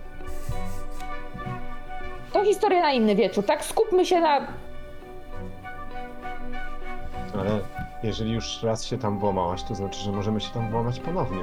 A futra Czyli możemy jako otwarte. swoich tej peleryny niewidki. Nigdy nie wiem, kiedy mówisz poważnie, a kiedy się nabijasz. Zawsze się nabijam, Roweno. Taki jest mój sposób na życie.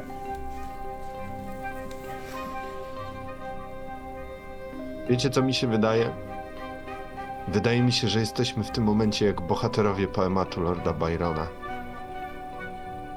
Same przeczytałyście niejedną książkę i wiecie doskonale, że kiedy nadchodzi ten moment, który ma zadecydować o losach bohatera i, i, i o tym, czy cała jego historia zakończy się pomyślnie, czy nie, to jest ten moment, kiedy wszystko zwala mu się na głowę i staje jak sparaliżowany nie mogąc postanowić, co zrobić. I tak się właśnie teraz czuję, jakbyśmy nie mogli postanowić, co mamy zrobić. To w takim razie ja postanawiam. Wychodzimy, idziemy podmienić dziennik. Weź futro. Przyda się. To musimy zajechać pod moje mieszkanie. To jest bardzo ciężkie i bardzo duże. Idę wołać dorożkę.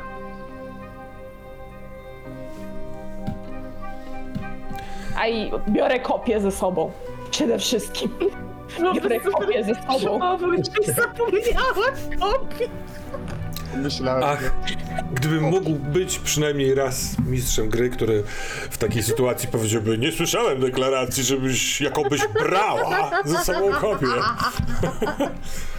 Ale wychodząc z tego miejsca tak smutnego, bo pustego, któreś z was przypomina sobie o haczyku po drugiej stronie lady, na którym ona zwykle odwiesza klucz i zamykacie ze sobą dobytek Sybilli, możliwe, że wierząc, że i ona, ona tu wróci. E, te, Londyn w deszczu, kiedy czekacie na dorożkę, wydaje się być taki właśnie pełen tego kociego echa, tego jej głosu. Zmęczonego, smutnego, a jednak trochę pogodnego w tym wszystkim.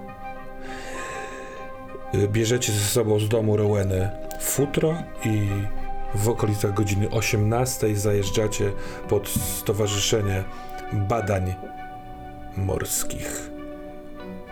Światło na tym, y, z tego co pamiętam, drugim piętrze świeci się. y, Najwyraźniej ktoś w tych laboratoriach jest. I trochę ciekawe wrażenie Rowena, bo wczoraj ktoś inny podglądał to okno, tak jak ty teraz je podglądasz. Jak chcecie to zrobić? Że- Ja mam taki pomysł, no, e, w którym ogólnie pomyślałam, żeby jakoś zakląć to futro. Jeszcze zaraz pomyślimy w jakiś e, magiczny, enigmatyczny sposób jak, dzięki któremu jakby inni nie będą go widzieć. Nie, tylko nie na zasadzie, że peleryna niewidka, tylko w momencie, kiedy po prostu Rowena pójdzie do, do Tilsa, nie wiem, będzie w stanie jakoś odwrócić jego uwagę po prostu i podmienić bo jakby ten dziennik jest tam u niego i można tam to wszystko zrobić, tylko... Nie wiem, jakby... Mhm. Czekam na propozycje ludzi mądrzejszych ode mnie. Na Sherlocka i Watsona. Waldo ma, nie ma żadnych planów. Waldo ma plan taki, że musimy wbić się przez okno, pójść i ukraść dziennik. Jakby tyle. I zostawić kopię. Termos, Mm. powiedz mi, jakby na to futro, gdyby Rowena je założyła, na to można jeszcze coś założyć, żeby je zakryć ewentualnie? No wydaje mi się, że możliwe to jest, trzeba by mieć dużo, du, duży materiał, ale wyglądałoby dosyć kuriozalnie, bo to futro jest... Tak, bardzo grube Duże. pewnie, nie? No właśnie. Ale Ja sobie może, wyobrażam... tylko to powiem, może zaklęte futro e, nie musi na siebie zwracać uwagi wszystkich dookoła, tylko jednej osoby. Jeśli taki byłby plan z tym zaklęciem. Wyobrażam sobie taką piękną scenę, w której e, Julia ci nakłada to futro na ciebie, nie? E, I patrzy prosto ci w oczy i tu już wiesz, co ona od ciebie wymaga, czego ona od ciebie wymaga. Czy trzeba wejść, porozmawiać z Tisem, zabrać dziennik? To jest dziecinnie proste. Magia jest po twojej stronie. Zostawia ci kotka w ręku. Ten kotek wygląda jak Tis. Ten kotek wygląda jak tease. Przebłysk w oczku filuterny. Zielone oczy i takie pyk w jednym z nich. Okej. Let's do this. To znowu robimy tutaj e, pewnie jakieś zaklęcie trzeba byłoby rzucić na szaleństwo. Czy chcesz potem termos? Zastanawiam się, ym, co przetestować.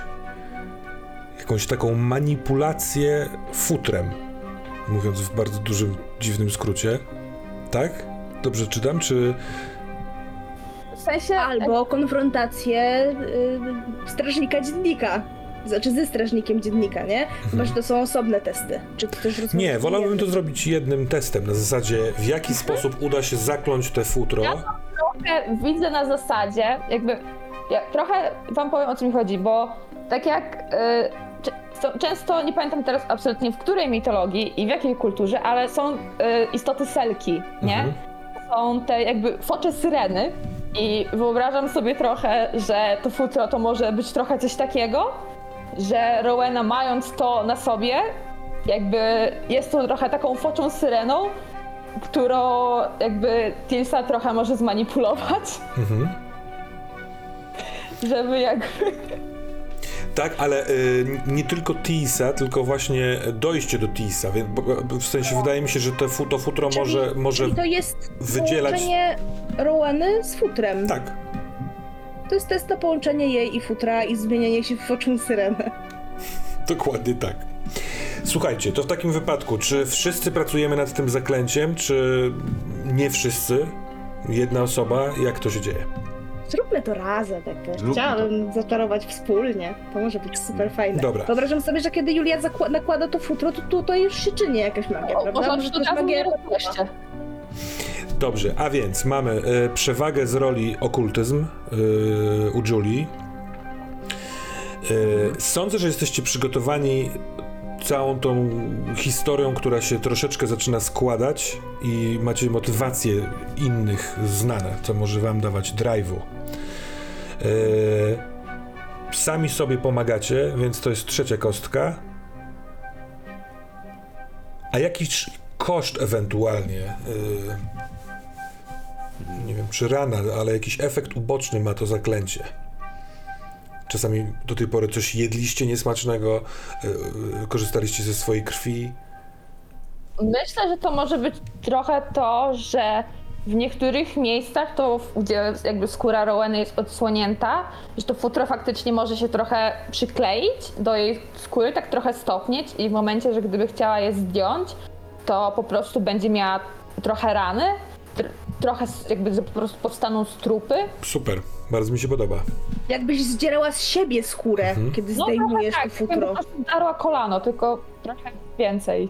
Dobra, To w takim wypadku proszę cię teraz, y, Marysiu, bo chyba ty jesteś nosicielką tej, t- tegoż tutaj zagadnienia, o rzut cz- czterema kośćmi, ale za chwilkę. Najpierw rzućcie wszyscy po jednej kaszustce.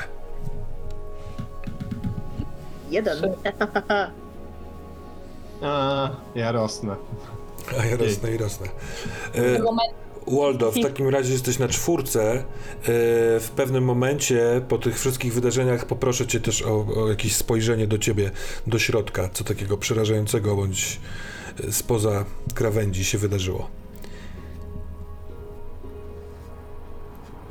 Roweno nawet nie... Coś się wydarzało. Jakieś było spotkanie, jakiś dozorca, schody, muzyka dolatująca z jakiegoś miejsca, ale tak naprawdę wszystko służyło do tego, żeby być tutaj, w gabinecie yy, Tisa. Tis trochę zaskoczony tym, że jesteś na początku. Mhm. nie powinna wrzucić. A ja myślałem, że... A, no tak, tak. Oczywiście, że tak. Przepraszam, to szaleństwo uznałem, że jest testem. To dawaj, dawaj, dawaj. Jeszcze nic się nie wydarzyło. 4, 4, 5, 6. Na początku trochę zaskoczony, y, Tis szybko promienieje. Widzisz, że jest zmęczony taką normalnym zmęczeniem. Pewnie cały dzień tu siedział nad, w tym swoim biurze, coś wypełniał, jakieś y, dokumenty. Możliwe, że zamykał swoją pracę. Jest oczarowany. Po chwili tego zaskoczenia, promienienia, patrzy, do, dostrzega całą ciebie i przesuwa dłonią po stole w twoją stronę kopertę. Na tej kopercie widzisz z daleka napis Rowena Adlington y, i twój adres, który dostał na tej karcie. Więc widzisz, że już na wcześniej napisał list do ciebie. Ale teraz nie jest w stanie dać ci go ani powiedzieć czegokolwiek, tylko patrzy na ciebie jak w obrazek. Ja wyobrażam sobie to trochę tak, że Rowena powoli do niego podchodząc po prostu łapie go za ręce i przez to, że ona trochę teraz nie jest do końca sobą, Mhm. tylko mam wrażenie, że przemawia przez nią trochę jakby to, co stracili ci, jakby to plemię inuickie, co, co straciła właśnie ta e, prababka tej opie- opiekunki e, Tobiego i ta kobieta, która no, porwała Sybillę, metody kwestionowalne, ale jakby, że to wszystko trochę łączy się z Roweną w taki sposób, że ona trochę jest takim jakby medium, po prostu naczyniem dlatego. I w momencie, kiedy ona położy sobie rękę Tilsa na sercu, znaczy w miejscu, gdzie jest jakby serce, przez to futro, że może nie tyle, że przez niego to wszystko przepłynie, ale że będzie w nim coś takiego, co jakby zrozumie, on odsunie się i wyobrażam sobie to, że po prostu Rowena, mm, że zdejmie e, wtedy tę okrywę do, do tej jakby gabloty, w której właśnie będzie prezentowany dziennik Mhm. i że jeden do jeden wszystko zostanie podłożone tak, jak było. Będzie wyglądać tak samo. Oprócz, te, oprócz tego, raczej jest to bezpieczne, przynajmniej Rowena tak sobie tr- trochę ona chyba sama jakby, mimo tego, że jest tym medium, sobie myśli, że nikt inny oprócz ich i ewentualnie Tobiego nie wie o tym, że coś tam jest. I że ta tajemnica zostanie w jakiś sposób między nimi zapieczętowana. I Rowena potem odkładając tę szybę, z- zostawiając właśnie te, te kopie i zabierając delikatnie i też zapakowując prawdopodobnie też w coś, w czym przyniosła w ogóle te kopie, no bo trzeba było ją zabezpieczyć. I w momencie, kiedy odwraca się znowu do Tilsa, to ona trochę nie swoim głosem wypowie do niego dziękuję. I jak po prostu wyjdzie, to Rowena nie wie, czy on będzie pamiętał o tym wydarzeniu, czy nie będzie pamiętał, ale jakby całe to wydarzenie jest raczej neutralne w emocjach i kieruje nim trochę ta prawość, tak jak właśnie w wizji Sybilli, jak ona powiedziała, że po stronie tej Inuitki jest prawda, że to jest właśnie trochę emanacja tej prawdy. Mhm. I w momencie, kiedy Rowena po prostu wychodzi, potem spotyka się znowu z Julią i z Waldo. Mm, Myślę, że oprócz to futro też, no, jak próbuję je zdjąć, no to faktycznie wtedy pojawiają się trochę te ranki, przez to, że jeszcze jakby futro nie czuje, że wszystko zostało jeszcze wypełnione i po prostu dlatego mam wrażenie trochę się opiera, żeby zejść z, z Roweny w tym momencie, ale jakby to się udaje, jakby w jakiś sposób to się wszystko uspokaja, bo ta, jakby ta prawda jest teraz w tym momencie wypełniana. No i zostają potem tylko trochę no, ranki, potem zostają strupy, bo to się tr- trochę szybciej goi, że już jakby nie ma otwartej rany. E, ale no wewnątrz w tym, w tym futrze zostaje trochę tej krwi. Mhm. Myślę, że tak to. Wydaje mi się, że te strupy też nie będą. One nigdy nie do końca znikną. Że e, zagoi się rana, powstanie strup, ale kiedy ten strup zacznie odpadać, to tak naprawdę pod spodem pojawi się ta sama rana, którą miałaś zdejmując. To zostanie z tobą już na zawsze. Ale powiedz mi jeszcze. Mam, mam dwa pytania. Czy kiedy wsiadasz do dorożki, to przekazuje, odkładasz na siedzenie, żeby zdjąć futro, tylko i wyłącznie kopię, czy także ten list, który z, chciał ci przekazać, ale jakoś nie potrafił y, Tease? Przez to, że to spotkanie z Tilsem teraz było trochę jakby. Jednak Rowena była medium, ona nie do końca myślała wtedy jakby o swojej prywatnej relacji z Tilsem, więc ona przede wszystkim tego listu nie wzięła. Zwłaszcza, że nie wie też tak naprawdę, czy Tis będzie pamiętał to spotkanie, czy w jak- w jaki sposób to będzie u niego wyglądało, więc tego listu na pewno nie wzięła ze sobą. A drugie pytanie jest takie. Mając na sobie to futro i idąc z dorożki do, do tego miejsca, nie do końca jasne było to, co się dzieje tu i teraz w Londynie, kiedy spotkałaś się z dozorcą i jakoś go okłamałaś, ale poniekąd dlatego, że miałaś dostęp do czyjejś innej świadomości. Do świadomości kobiety, która w jaskini zimnej, z wysokim sklepieniem stoi z trzema innymi kobietami w takim trochę półkolu, takim złamanym szeregu. Za plecami płonie ognisko, które rzuca cienie was na y, boczne ściany tej jaskini. Boczne dlatego, ponieważ stoicie twarzą w twarz z mrocznym wejściem w głąb tej jaskini. I bardzo silna świadomość, nio- niosąc te futro, że te cztery kobiety, a zawsze są cztery, i matka uczy swoją córkę, mają obowiązek w określonym momencie roku albo miesiąca być tutaj, mamrotać pieśń, którą znają i przekazują sobie w tradycji ustnej i w tą, tą pieśnią przywoływać mewy, które nagle wlatują do jaskini.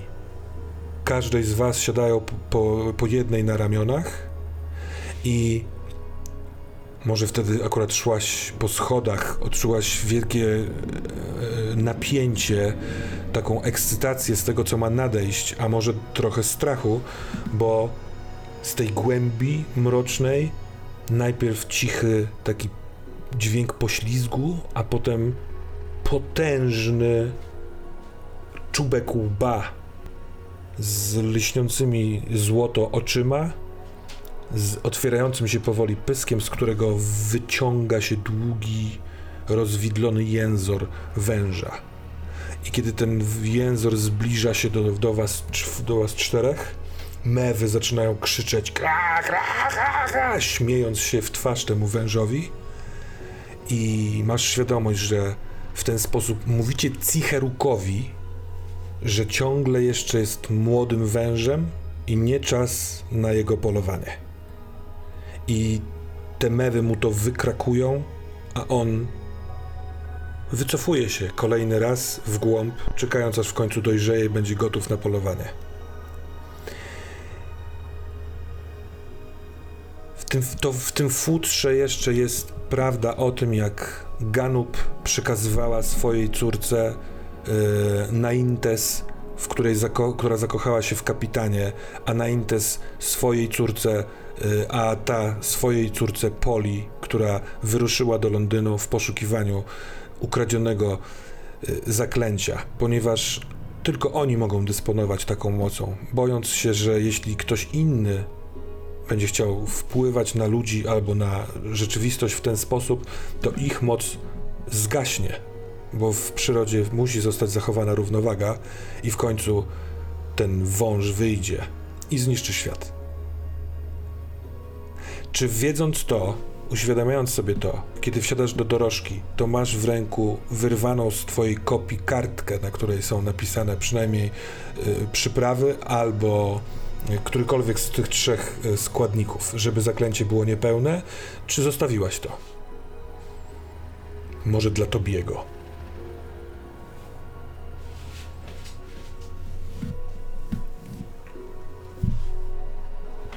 Myślę w takim razie, że zebrałam jedną z tych kartek. Jakby wcześniej o tym, jakby wcześniej Rowena właśnie myślała trochę, że przecież nikt o tym nie wie, że nawet jeżeli to tam będzie wszystko napisane, to nikt się nie zorientuje. Ale potem, jakby widząc to wszystko, co zostało jej przekazane, no trochę teraz jako medium, myślę, że wzięła jedną kartkę z tej kopii, którą podłożyła. I myślę, że to jest ta kartka z mewą. Mhm. Że to jest ta kartka z mewą, bo ta mewa jakoś dla, dla Roweny wydaje się kluczowa. Bo w momencie, kiedy nie ma tego zwierzęcia, tego symbolu, nawet jeżeli ma się te potrawy z tymi przyprawami, z tym wszystkim, to nigdzie dalej się z tym nie pójdzie. Mhm. Cóż więc, moi drodzy, jesteście w posiadaniu dziennika kapitana Locklana McIntyre. Możecie sprzedać tę książkę, dając y, obietnicę wolności Tobiemu. Możecie y, z kolei oddać ją komuś, kto przetrzymuje y, Sybillę Trumpington.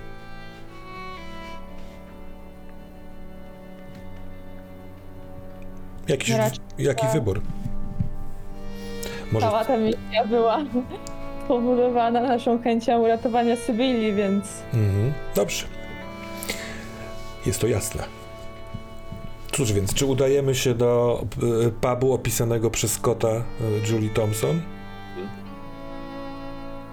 Magiczne będzie, jeżeli na naszej drodze będzie pojawiał się taki gruby, brzydki kocur, który nas prowadzi trochę jakby do tego pubu. Mimo, Mhm. że my znamy drogę Mhm. i Julia wie jak iść. Ale to uparte kocisko tak jakby chciało sprawdzić, czy ona przypadkiem nie zapomniała tej ścieżki. Kiedy on do, dochodzi do tego pubu, to y, na okiennicy jedne, y, czy parapecie zewnętrznym jednego z okien pubu oraz na górze szyldu Macmillans są dwa pozostałe koty. Jeden myje bezczelnie łapkę, drugi dynda ogonem w powietrzu. A przed drzwiami pubu, tak jakby może czekała, a może też to jakoś wyczuła, stoi y, kobieta, którą narysowałaś Rowena z pamięci.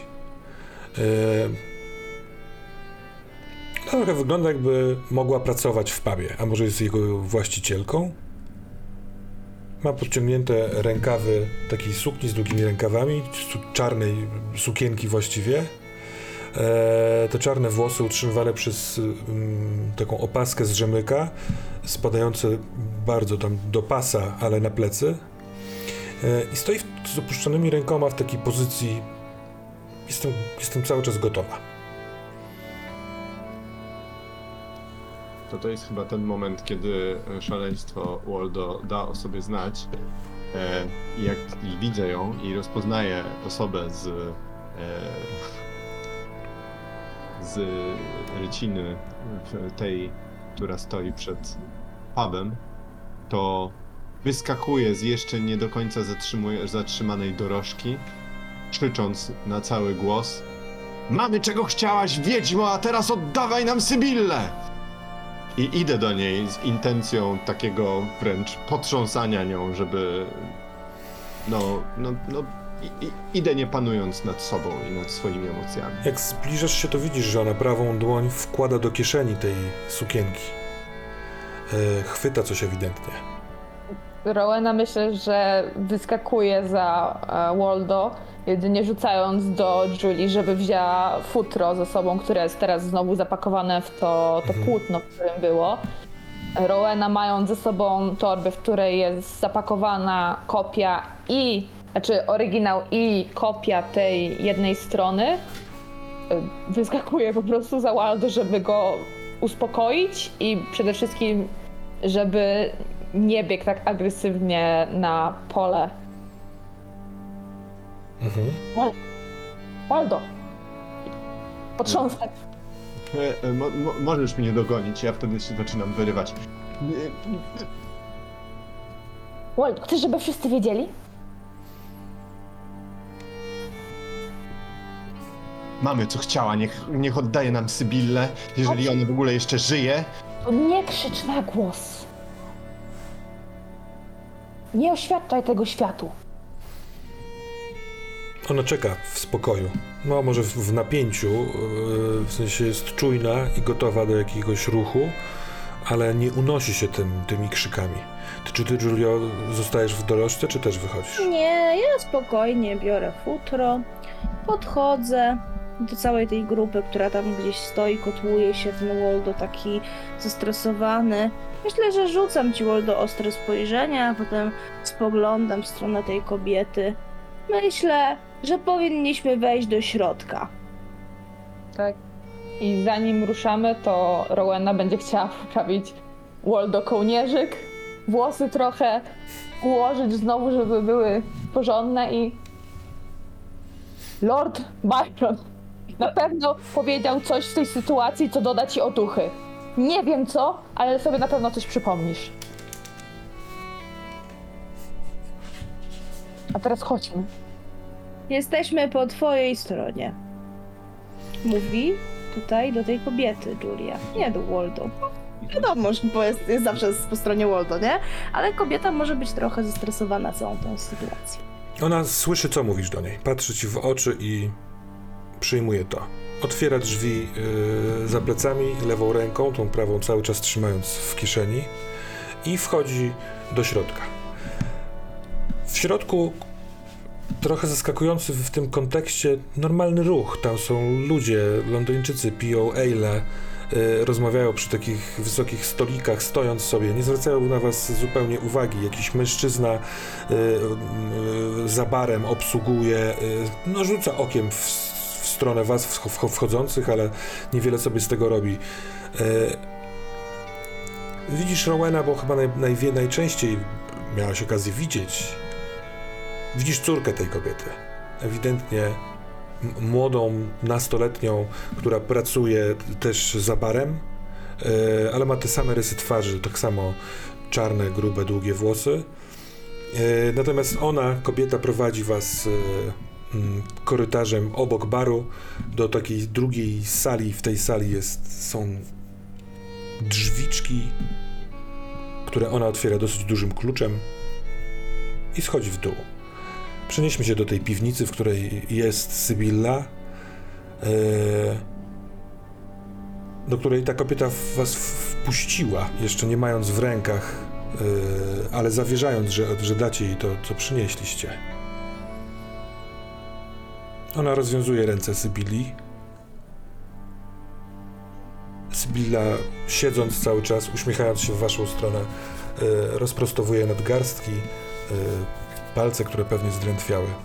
Rowena to w ogóle jak tam wszyscy wchodzimy, to od razu pada praktycznie do pola Sybilli, bo to była po prostu emocjonalna kolejka górska i wizja, jak ten kot opowiadał, że Sybilli możemy w ogóle nie uratować, że ona może, może nie wrócić. Była dla Roweny tak przerażająca i ta cała adrenalina teraz tak naprawdę dopiero z niej schodzi. Ale nie płacze. Tylko kładzie na chwilę głowę na kolana Sybilli, ale kiedy orientuje się znowu, że wszystko jeszcze nie jest skończone, to dopiero wtedy zaczyna sięgać po, po torbę, w której ma Mhm. e, schowany oryginał i tę jedną stronicę.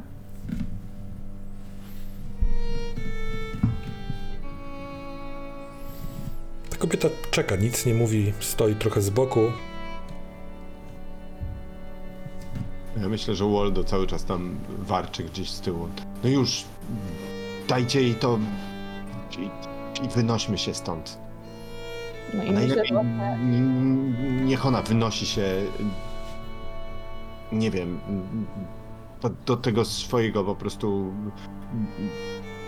miejsca, gdzie, gdzie, gdzie odprawiają te swoje rytuały. pewnie jeden z takich komentarzy, właśnie ten pierwszy komentarz Waldo był tym, co trochę otrząsnęło Rowenę.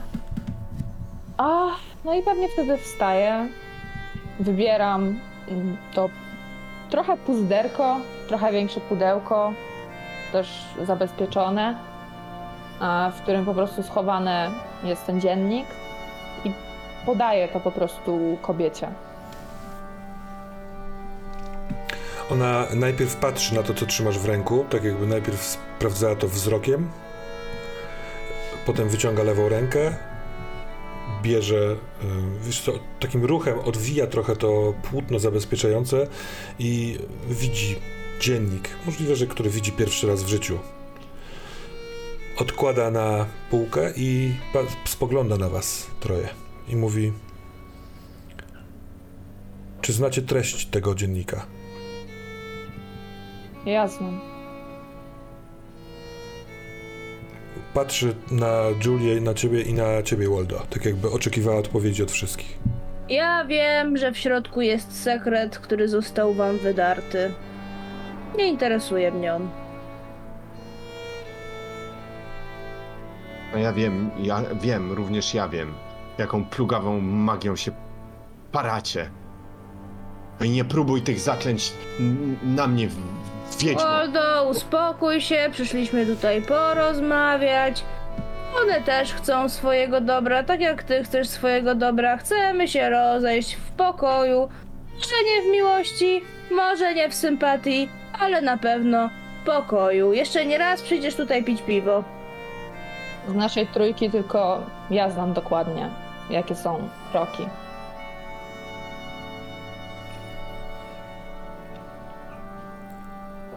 Odejdę stąd z tym, co przynieśliście. Ale muszę mieć także pewnego rodzaju pewność, że nie przekażesz nikomu tego, co tam wyczytałaś. Jak widzisz, jest tam jeszcze jedna dodatkowa strona, która się powtarza. W miejscu, gdzie był ten dziennik, zostawiłam kopię. Praktycznie idealną. Oprócz tej jednej strony, bez której nie da się powtórzyć waszego rytuału. Ale ty, jak rozumiem, mogłabyś. Tak, ale to nie jest przypadkiem też dowód tego, że nie zamierzam. Nie zostawiłam tego tam, żeby potencjalnie ktoś mógł kiedyś to odkryć. Nie wiem, w jaki sposób inaczej mogę ci zapewnić. Ja myślę, że przekazuję tej kobiecie też to futro. Tak. E, trochę w tej sytuacji na dowód tego, może mówiąc o tym, że Rowena brała je i czuła przez chwilę to, co wy czujecie. I myślę, że Rowena wie, że pewne rzeczy Europejczycy nie są w stanie zrozumieć. I te rzeczy nie należą do nich. Przepraszam za lady krwi, ale nie mieliśmy bezpieczniejszego pomysłu, w jaki sposób zabrać ten dziennik. I je, jeszcze Mhm. Teraz już Waldo się trochę faktycznie uspokaja, kiedy doszło do całej tej transakcji i myślę, że, że taka przede wszystkim cool, coolness dwóch kobiet w całej tej sytuacji, która trochę go osadził w końcu, e, trzech kobiet właściwie, w końcu osadził go gdzieś na ziemi. I ta iskierka takiego zdrowszego rozsądku, która gdzieś w końcu dochodzi do głosu, mówi Czy ty jesteś Pola? Nie, mam na imię Poli. Poli, Poli. Czy ty jesteś Poli? Tak. Wiem, że nie. Wiem, że nie jestem. Nie byłem specjalnie miły dla ciebie. Wiesz mi, było to podyktowane bardziej szokiem i tym, no, jak potraktowałaś naszą przyjaciółkę i dobrodziejkę. Ale chciałbym mieć do ciebie prośbę. Czy mogłabyś zabrać ze sobą, jeśli stąd wyjedziesz, twojego dawnego podopiecznego?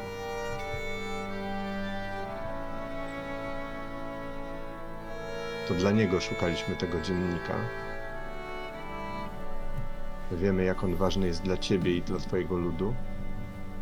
I sprawiedliwym nie tylko dlatego, że uwięziłaś naszą przyjaciółkę. Sprawiedliwym jest, byś to ty go dostała. Ale on pamięta cię i gdzieś tam dowiedział się troszeczkę o legendach waszej kultury i bardzo pragnie popłynąć własną drogą, popłynąć własnym szlakiem. Mogłabyś mu to umożliwić. Nie. Z, z mocą, którą posiadasz. Sam powiedziałeś, że chce wypłynąć własnym szlakiem.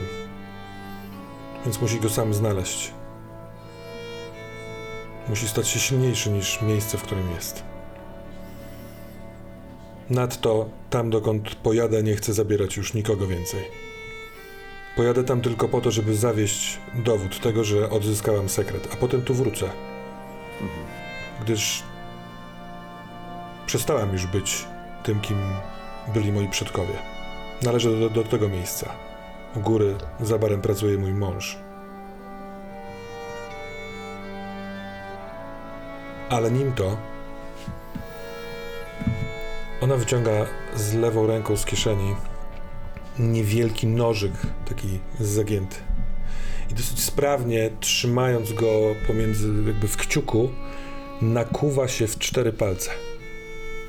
Także na czterech poduszeczkach palców poza kciukiem pojawia się kropla krwi. Ten nożyk kładzie sobie na dłoni i wyciąga w waszą stronę, patrząc także na Sybillę. Nikt z was nigdy nie powie o tym, co było w tym dzienniku, o tej sprawie. Ani nie wykona, i tutaj patrzę na ciebie, Rowena, czynności, które tam są. Przyłóżcie do mnie, do mojej krwi, waszą krew, a uznam, że jesteście związani przysięgą. Jeśli złamalibyście tę przysięgę, rzucam na was klątwę. Klątwę tego, że tylko raz będziecie mogli spojrzeć w oczy kogoś bliskiego.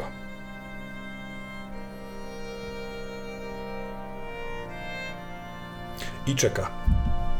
Co wy na to? Czuję bez y, żadnego problemu. Jeżeli y, ta kobieta podaje ten nożyk, to nakłuwa sobie palec, jeżeli nie, to prawdopodobnie znajduje jakiś sposób chociażby, żeby nakłuć się szpilką od broszki, którą ma gdzieś tam na piersi. I łączy swoją krew z jej krwią. Dla niej to jest oczywiste. Rowana też nie ma z tym żadnego problemu. Nie zamierza raczej używać mocy, która potrafi tak bardzo manipulować innymi. Mhm. Tak, czuję się już bardzo źle z tym, z tym, co się działo, z tym, jak oddała swoje ciało jako medium. Tym w sumie, jak tak naprawdę wykorzystała Tilsa. którego zresztą polubiła. I ona nie potrzebuje tego więcej, więc. No myślę, że Waldo też e, nakłuwa swoje palce i łączy e, swoją krew z jej krwią. Że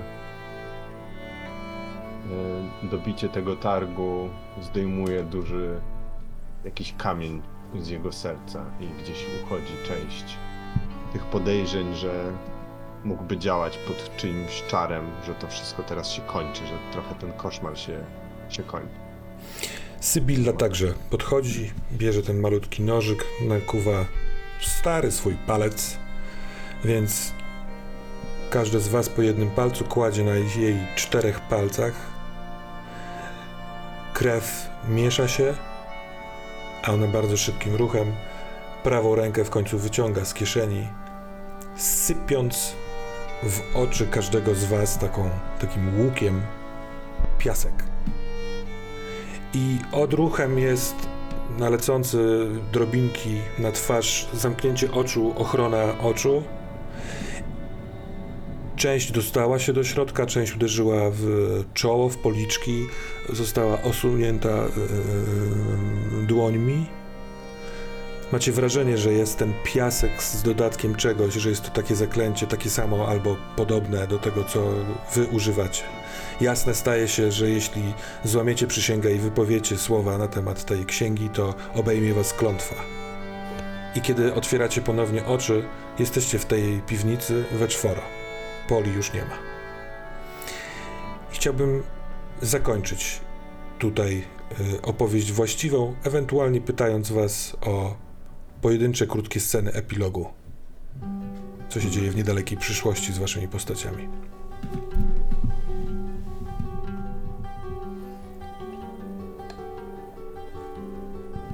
Myślę, że mogę zacząć, bo ta przyszłość niedaleka, lub może daleka, przyszłość Julii jest trochę taka sama mm, jak jej przeszłość. To znaczy, widzę taką scenę, która jest bardzo podobna do sceny, w której ją zobaczyliśmy. To znaczy, Julia chodzi na jakąś drabinę, żeby sięgnąć po jakąś książkę, może chwieje się yy, pod wpływem własnego ciężaru albo tracąc równowagę. Ktoś ją podtrzymuje, może nawet jest to ten sam mężczyzna, introwertyczny, nieśmiały jegomość, który być może chciałby spróbować czegoś więcej z Julią właśnie, albo stać się jej bliższym przyjacielem, ale jest na to zbyt nieśmiały lub introwertyczny. Ona mówi, że jest na to za stara, sięga po książkę, otwiera ją, czyta, może nawet zwraca mu uwagę na niezgaszonego papierosa. I te dni wyglądają zupełnie tak samo, bo to, co Julia lubi, to właśnie rutynę. Obserwują to wszystko porcelanowe kotki, które czasami wypowiadają do niej słowa, mrugają, a może nawet kotki, które spotyka w przestrzeni jako żywe istoty, ale wtedy zawsze je odgania. Hmm. E, Ja, ja jak myślę o tym, jak e, Waldo. myślę, że Waldo budzi się troszeczkę, e, taki epilog dla niego. Budzi się następnego dnia, trochę wraca do siebie i jest starym, dobrym Waldo. Myśli o tym, że to jest czwartek, a na czwartek został zaproszony na tańce. I jest to jakaś wieczorna e, aktywność, na którą się nie może doczekać. Ale wie, że ma do zrobienia jeszcze jedną ważną rzecz i to jest rozmowa z Tobim, którego czuje to, że nie będzie w pełni szczęśliwy i nie będzie mógł w pełni wrócić do starego życia, e, beztroskiego życia, e, jeżeli tej rozmowy no, nie odbędzie. Myślę, że, że ta rozmowa że, że w tej rozmowie e, Waldo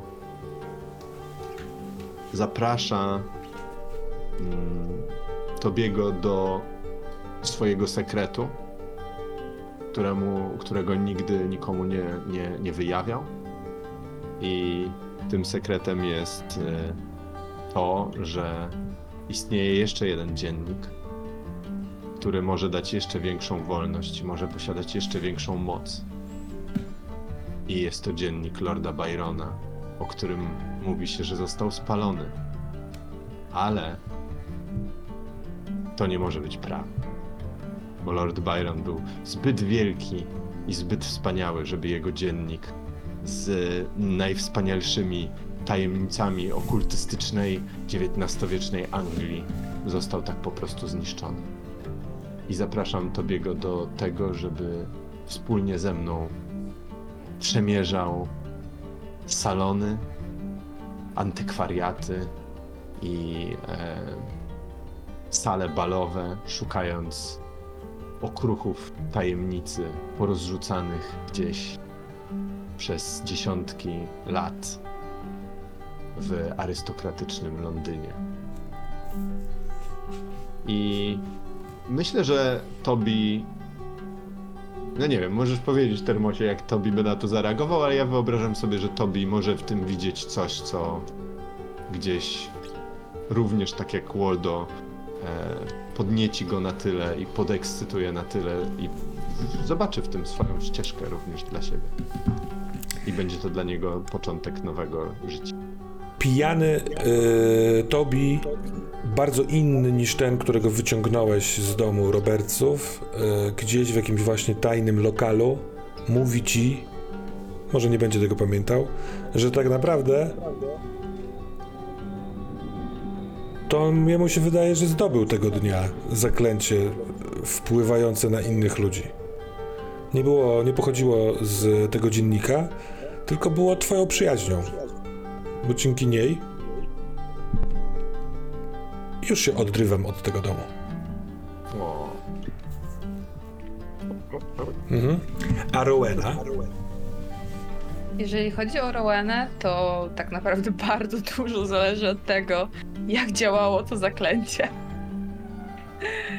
Bo są dwie opcje i jeszcze dużo zależy od tego, czy ktoś zorientował się, że brakuje jednej strony dziennika.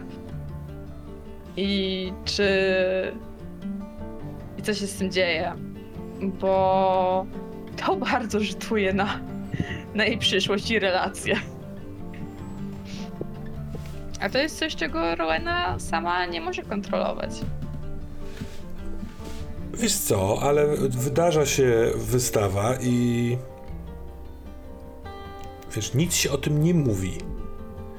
E, ale może zagrajmy to w ten sposób. Może chcesz przeczytać e, treść listu, który przysłał ci e, w piątek, w ciągu dnia dostał, został doręczony. Przyszedł chłopiec z listem od pana Tisa van den Heige. List chętnie przeczytam. Wydarzenia z tego ostatniego tygodnia doprowadziły mnie do takich obszarów przemyśliwań, iż jestem gotów wsadzić e, kij w zwrotnicę i zupełnie zmienić tor pociągu, który jest moim życiem. Przeto chciałbym zaproponować Ci wyprawę ze mną do Utrechtu, w którym już udało mi się zorganizować posadę asystentki na Uniwersytecie w Utrechcie. Albo ja mogę wziąć urlop y, ze swojej uczelni i pozostać tu w Londynie. Oba warianty tylko jeśli tobie byłoby podobnie miło, jak i mnie, spędzić ze sobą więcej czasu. To bardzo dużo zależy od tego, czy to jest dalej aktualne. A mówisz, że zostało doręczone w piątek, tak? Tak, w piątek.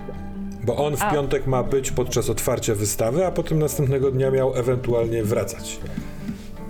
E, Słuchajcie, ja taką, w takim razie może taką scenę widzę, w której um, Rowena przychodzi na tę wystawę, żeby się dowiedzieć, no, co no. się dzieje.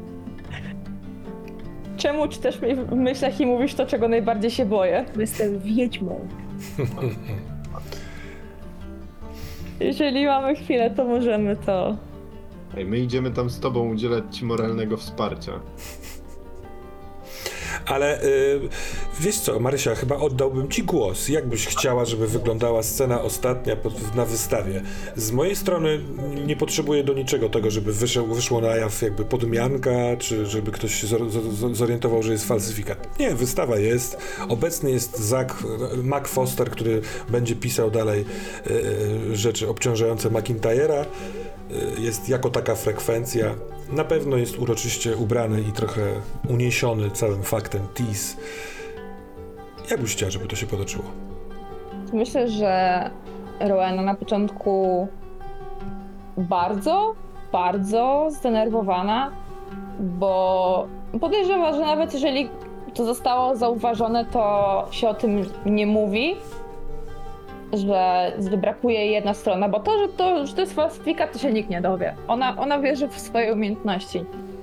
Ale jeżeli się zorientują, że brakuje tej jednej strony, i Tills miałby mieć z tego powodu problemy. I Tills by pamiętał, że Rowena była tam w tej formie. To, to, to bardzo by jej utrudnia, ale wydaje mi się, że w związku z tą całą prawdą, która wtedy też jakby działała zarówno w tym pokoju, ale to było dłuższe połączenie też ze względu naszego oddania tego dziennika Poli, że wszystkim wydaje się, że tych stron jest tyle, ile powinno być. Że dziennik jest w całości. I, i, jest okej. Mhm. I kiedy Rowena po trochę pewnie dłuższych rozmowach już z Tillsem się- i słuchaniu tego, co ewentualnie mówią inni, albo jakichś podszeptań od Waldo czy Julie, y, tego, co oni słyszeli, e, i kiedy się uspokaja, że nic złego się z tego nie wydarzyło, to rozmawia z Tillsem o tym potencjalnym urlopie. Mhm. Jak to się kończy? Hmm. Masz, Waldo, swoje wyobrażenia. Bardzo proszę, stoją tutaj przed tobą. No i co? Zobacz Nic. na nich. No widzę. Cieszysz się? I się cieszę. Lord, Lord Byron patrzy na to z nieba i klaszcze. Robi im owację na stojąco, moja droga. No. To ja też się cieszę. Dziękuję wam bardzo. Dzięki. Dzięki.